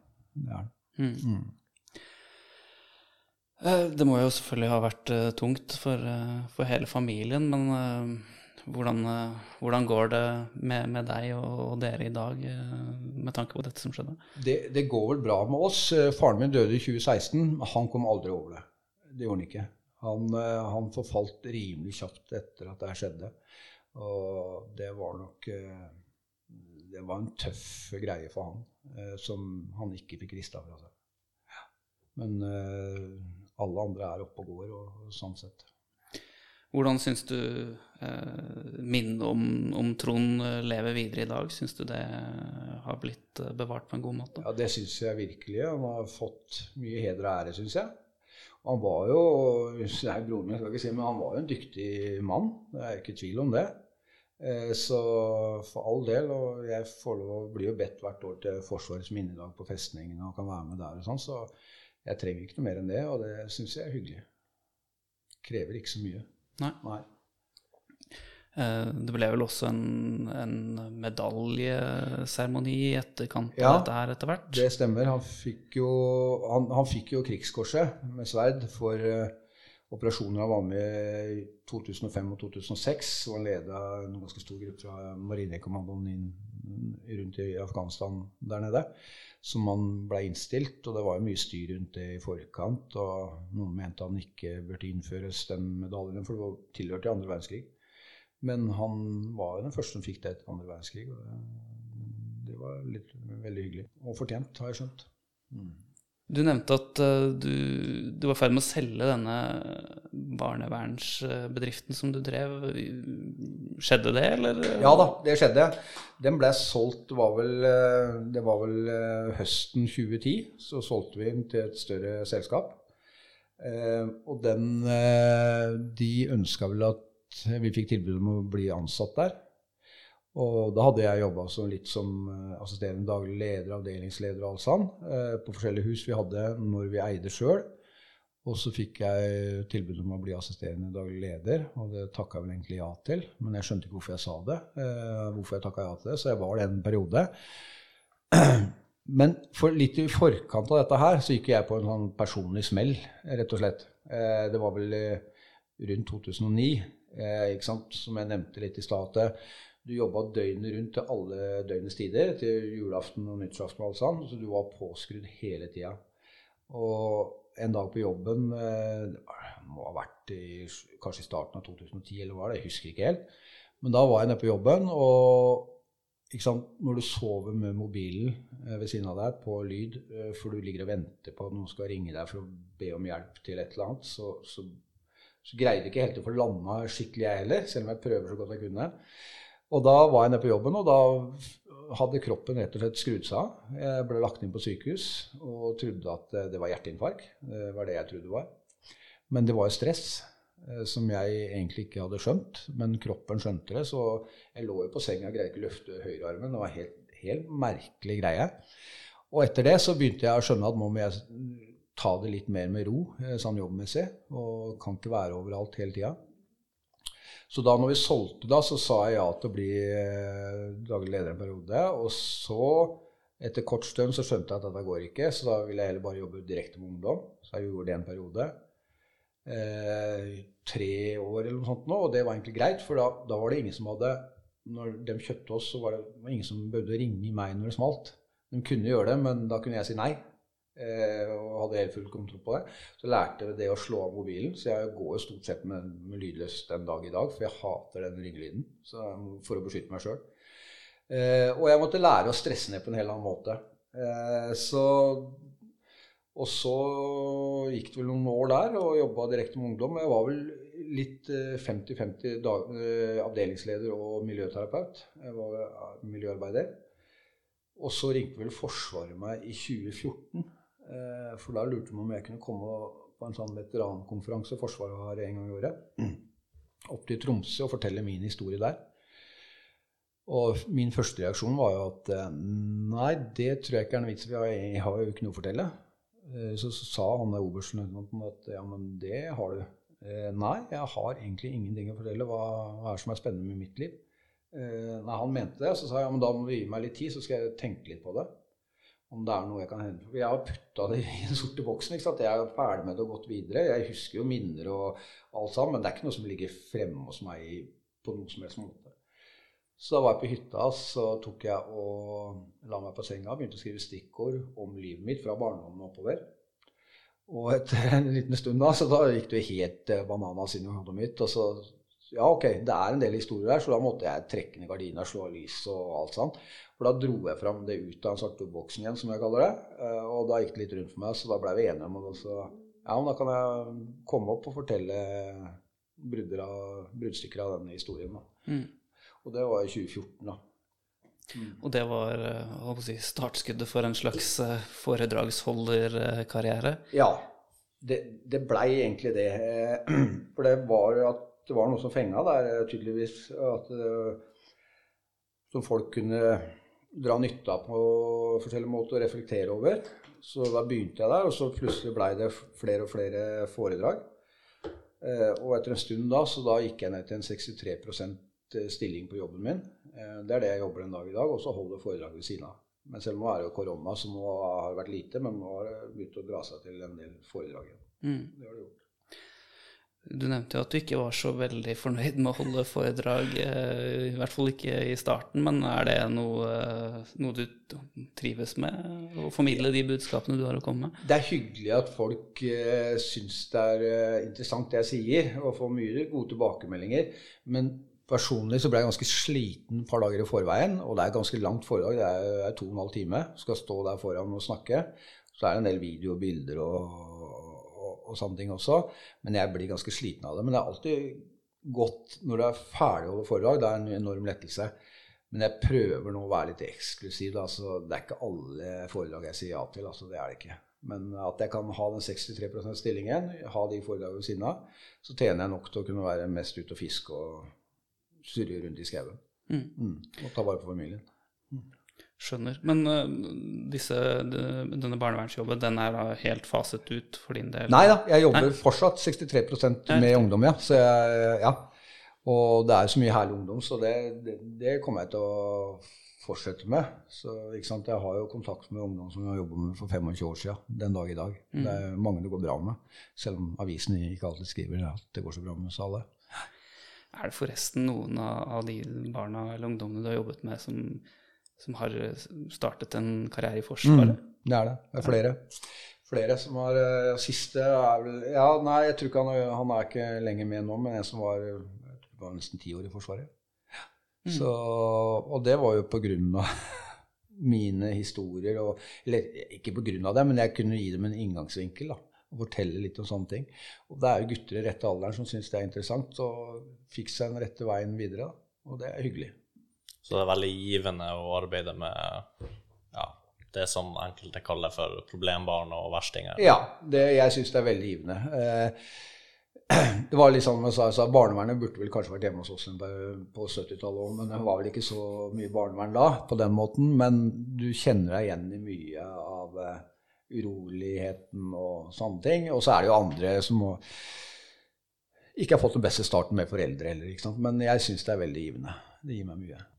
Før, eh, før vi runder av, um, da broren din døde, så fikk du jo noe trusler òg. Ja, det stemmer. Det, det var eh, Etter at han døde, var vel i 2012. Så det var vel når IS var på, på trappene litt rundt der, så blei det en holdt en demonstrasjon utenfor Stortinget i, i Oslo. Og ble også lagd en video eh, med, med drapstrusler mot eh, Støre og Stoltenberg, vel. Utenriksminister og statsminister. Den videoen ble ganske fjerna fort. Jeg så den aldri sjøl. Og der var de også brukt, eh, brukt eh, bilde av kistene til eh, de fire som ble drept sammen eller Trond og de tre andre eh, i den videoen. Og for dette gikk på Norges eh, deltakelse i Afghanistan. At norske soldater var terrorister og dro drepte sivile der nede. Det var det det gikk på. Det var en eh, islam, islamistgruppe her hjemme i Norge som sto bak dette her. Og Så da ringte Dagbladet meg, og da holdt de en demonstrasjon. Denne videoen kommer ut på en onsdag eller torsdag. Så tror jeg de mener de holdt en demonstrasjon på, utenfor Stortinget i, en fredag i januar 2012. Eh, Jeg observerte at det skjedde, og har fått med meg det. Eh, Og så drar jeg hjem fra jobben på fredagen, så ringer Dagbladet meg vel og lurer på hva jeg syns om det her av den bildebruken i den videoen og alt sammen. Og da tenkte jeg at eh, nei, det syns jeg ikke noe særlig om. Eh, Vi har ytringsfrihet i Norge. Dem kan ytre seg på sin måte. Da kan vel jeg også ytre meg på min måte. Så da gikk jeg vel litt sånn uh, ut og sa at den patetiske lille gruppa der bryr jeg meg ikke noe særlig om. Uh, ja, for å få sagt hva jeg mente om det. For jeg følte det var ikke så mange som forsvarte dem som var uh, av de norske som ble dissa i det greiene heller. Og det hadde jeg lyst til å gjøre. Da spurte jo dama ja, kan jeg sitere deg på. Ja, men det kan du. Eh, så det gjorde hun. Eh, så jeg sa at det var greit, og det kom jo på trykk, det så klart. Eh, kanskje ikke så klokt å gjøre det på den måten der, for det var familie og sånne ting rundt det også. Så da gikk jeg på Facebook seinere på kvelden for å sjekke om jeg fikk mye trusler. For jeg forventa en del trusler inn på innboksen her da. Det var det samme når Trond døde, så fikk jo familiemedlemmer ganske stygge trusler på innboksen. Det er ikke vanskelig å lage en falsk profil eh, og, og gjøre sånne ting. Men det skjedde ingenting på fredagen, og jeg sto opp på lørdagen, skjedde heller ingenting der da. Så jeg tenkte at eh, faen, skal de ikke trå til litt, disse folka? Og så søndagen eh, skjedde ingenting, så tenkte jeg faen, skal jeg sagt noe litt mer eh, dissende for å tirre dem, da? Men det skjedde jo ingenting. Men på mandag så ringte politiet meg og fortalte at eh, det var noe som skulle ta meg. da, eh, sånn sett. Så da ble det et voldsomt apparat satt i gang eh, rundt det greiene der. Med, med politieskort Eller de var ikke på oss, men de var De var virkelig på. Hæ? Ja. De gikk med skuddsikre vester og maskinpistoler og pistoler og kjørte rundt og kartla og gjorde det de skulle gjøre. Og da ble det jo sånn at eh, min indre eh, sann reaksjon ble jo også at da starta jo forsvarshjernen min til å jobbe, for da ville jeg beskytte og Så jeg bygde om type huset til fort. Og forsikra meg så godt jeg kunne eh, på alle mulige måter. Og, så det, det var uh, Titta under bilen om morgenen når jeg dro, så ingen hadde lagt noe der. Skikka meg rundt. Uh, Skanna mennesker på et kjøpesenter. Rullegardiner som dekka alle, ikke noe innsikt i huset. Da var jeg skilt, som jeg nevnte i stad, eller separert den perioden der. Og kona var jo også, bodde i gamlehuset. Og det, det var det jeg ikke tenkte, at det, det kunne gå utover andre òg. Men, eh, men, og faren min hadde jo folk utafor seg også, og en gammel mann. Eh, men det, det ble ikke noe sånn eh, Det skjedde Det var folk rundt og titta litt, men det skjedde ikke noe.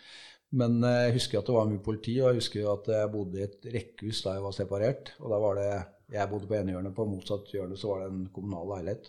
Der bodde det en narkoman, da. Og han solgte jo og deala en del stoff. Så jeg glemmer aldri dag to når politiet hadde vært rundt i busker overalt. Så han sto på gårdsplassen jeg kom fra jobben, og så med litt knekk i knærne. Sånn, 'Fy faen, Bolle, hva er det som skjer her? Det er snut overalt, jo!' Så da gikk jo butikken hans veldig dårlig i de ti månedene dette oppdraget her varte. Så, så han veldig ålreit kar, han, men eh, butikken ble skjøtta down på den tida der.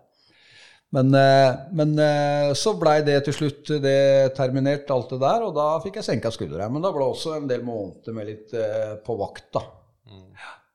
Men, men, hva tenker du om at ja, no, noen bruker bilder av din avdøde bror som slags form for propaganda, mm. uh, i tillegg og uh, opprette falske brukere for å komme med stygge kommentarer til, til familie som nettopp har mista ektemann, bror, mm. far. Det er, det er, jo lavmål eh, mm. uten like, ikke sant. Men de skal jo ha ha sine meninger fram, få pressedekning på det de gjør, gjør det på en ekstrem måte. ikke sant? Men det er noe du aldri ville gjort sjøl på noe som helst måte. Så det er jo trist at det er sånn. Det er derfor jeg også reagerte for å gi litt tilbake. Mm. Ikke bare sitte og ta imot. Mm. Da har vi fått høre masse interessante historier. Setter naturligvis veldig stor pris på at du tok turen innom eh, Freddy for å fortelle litt om dine erfaringer. Tusen takk for det, og takk for innsatsen. Takk for at du vil komme. Vi sender ut Norway og 3 Charlie slutt.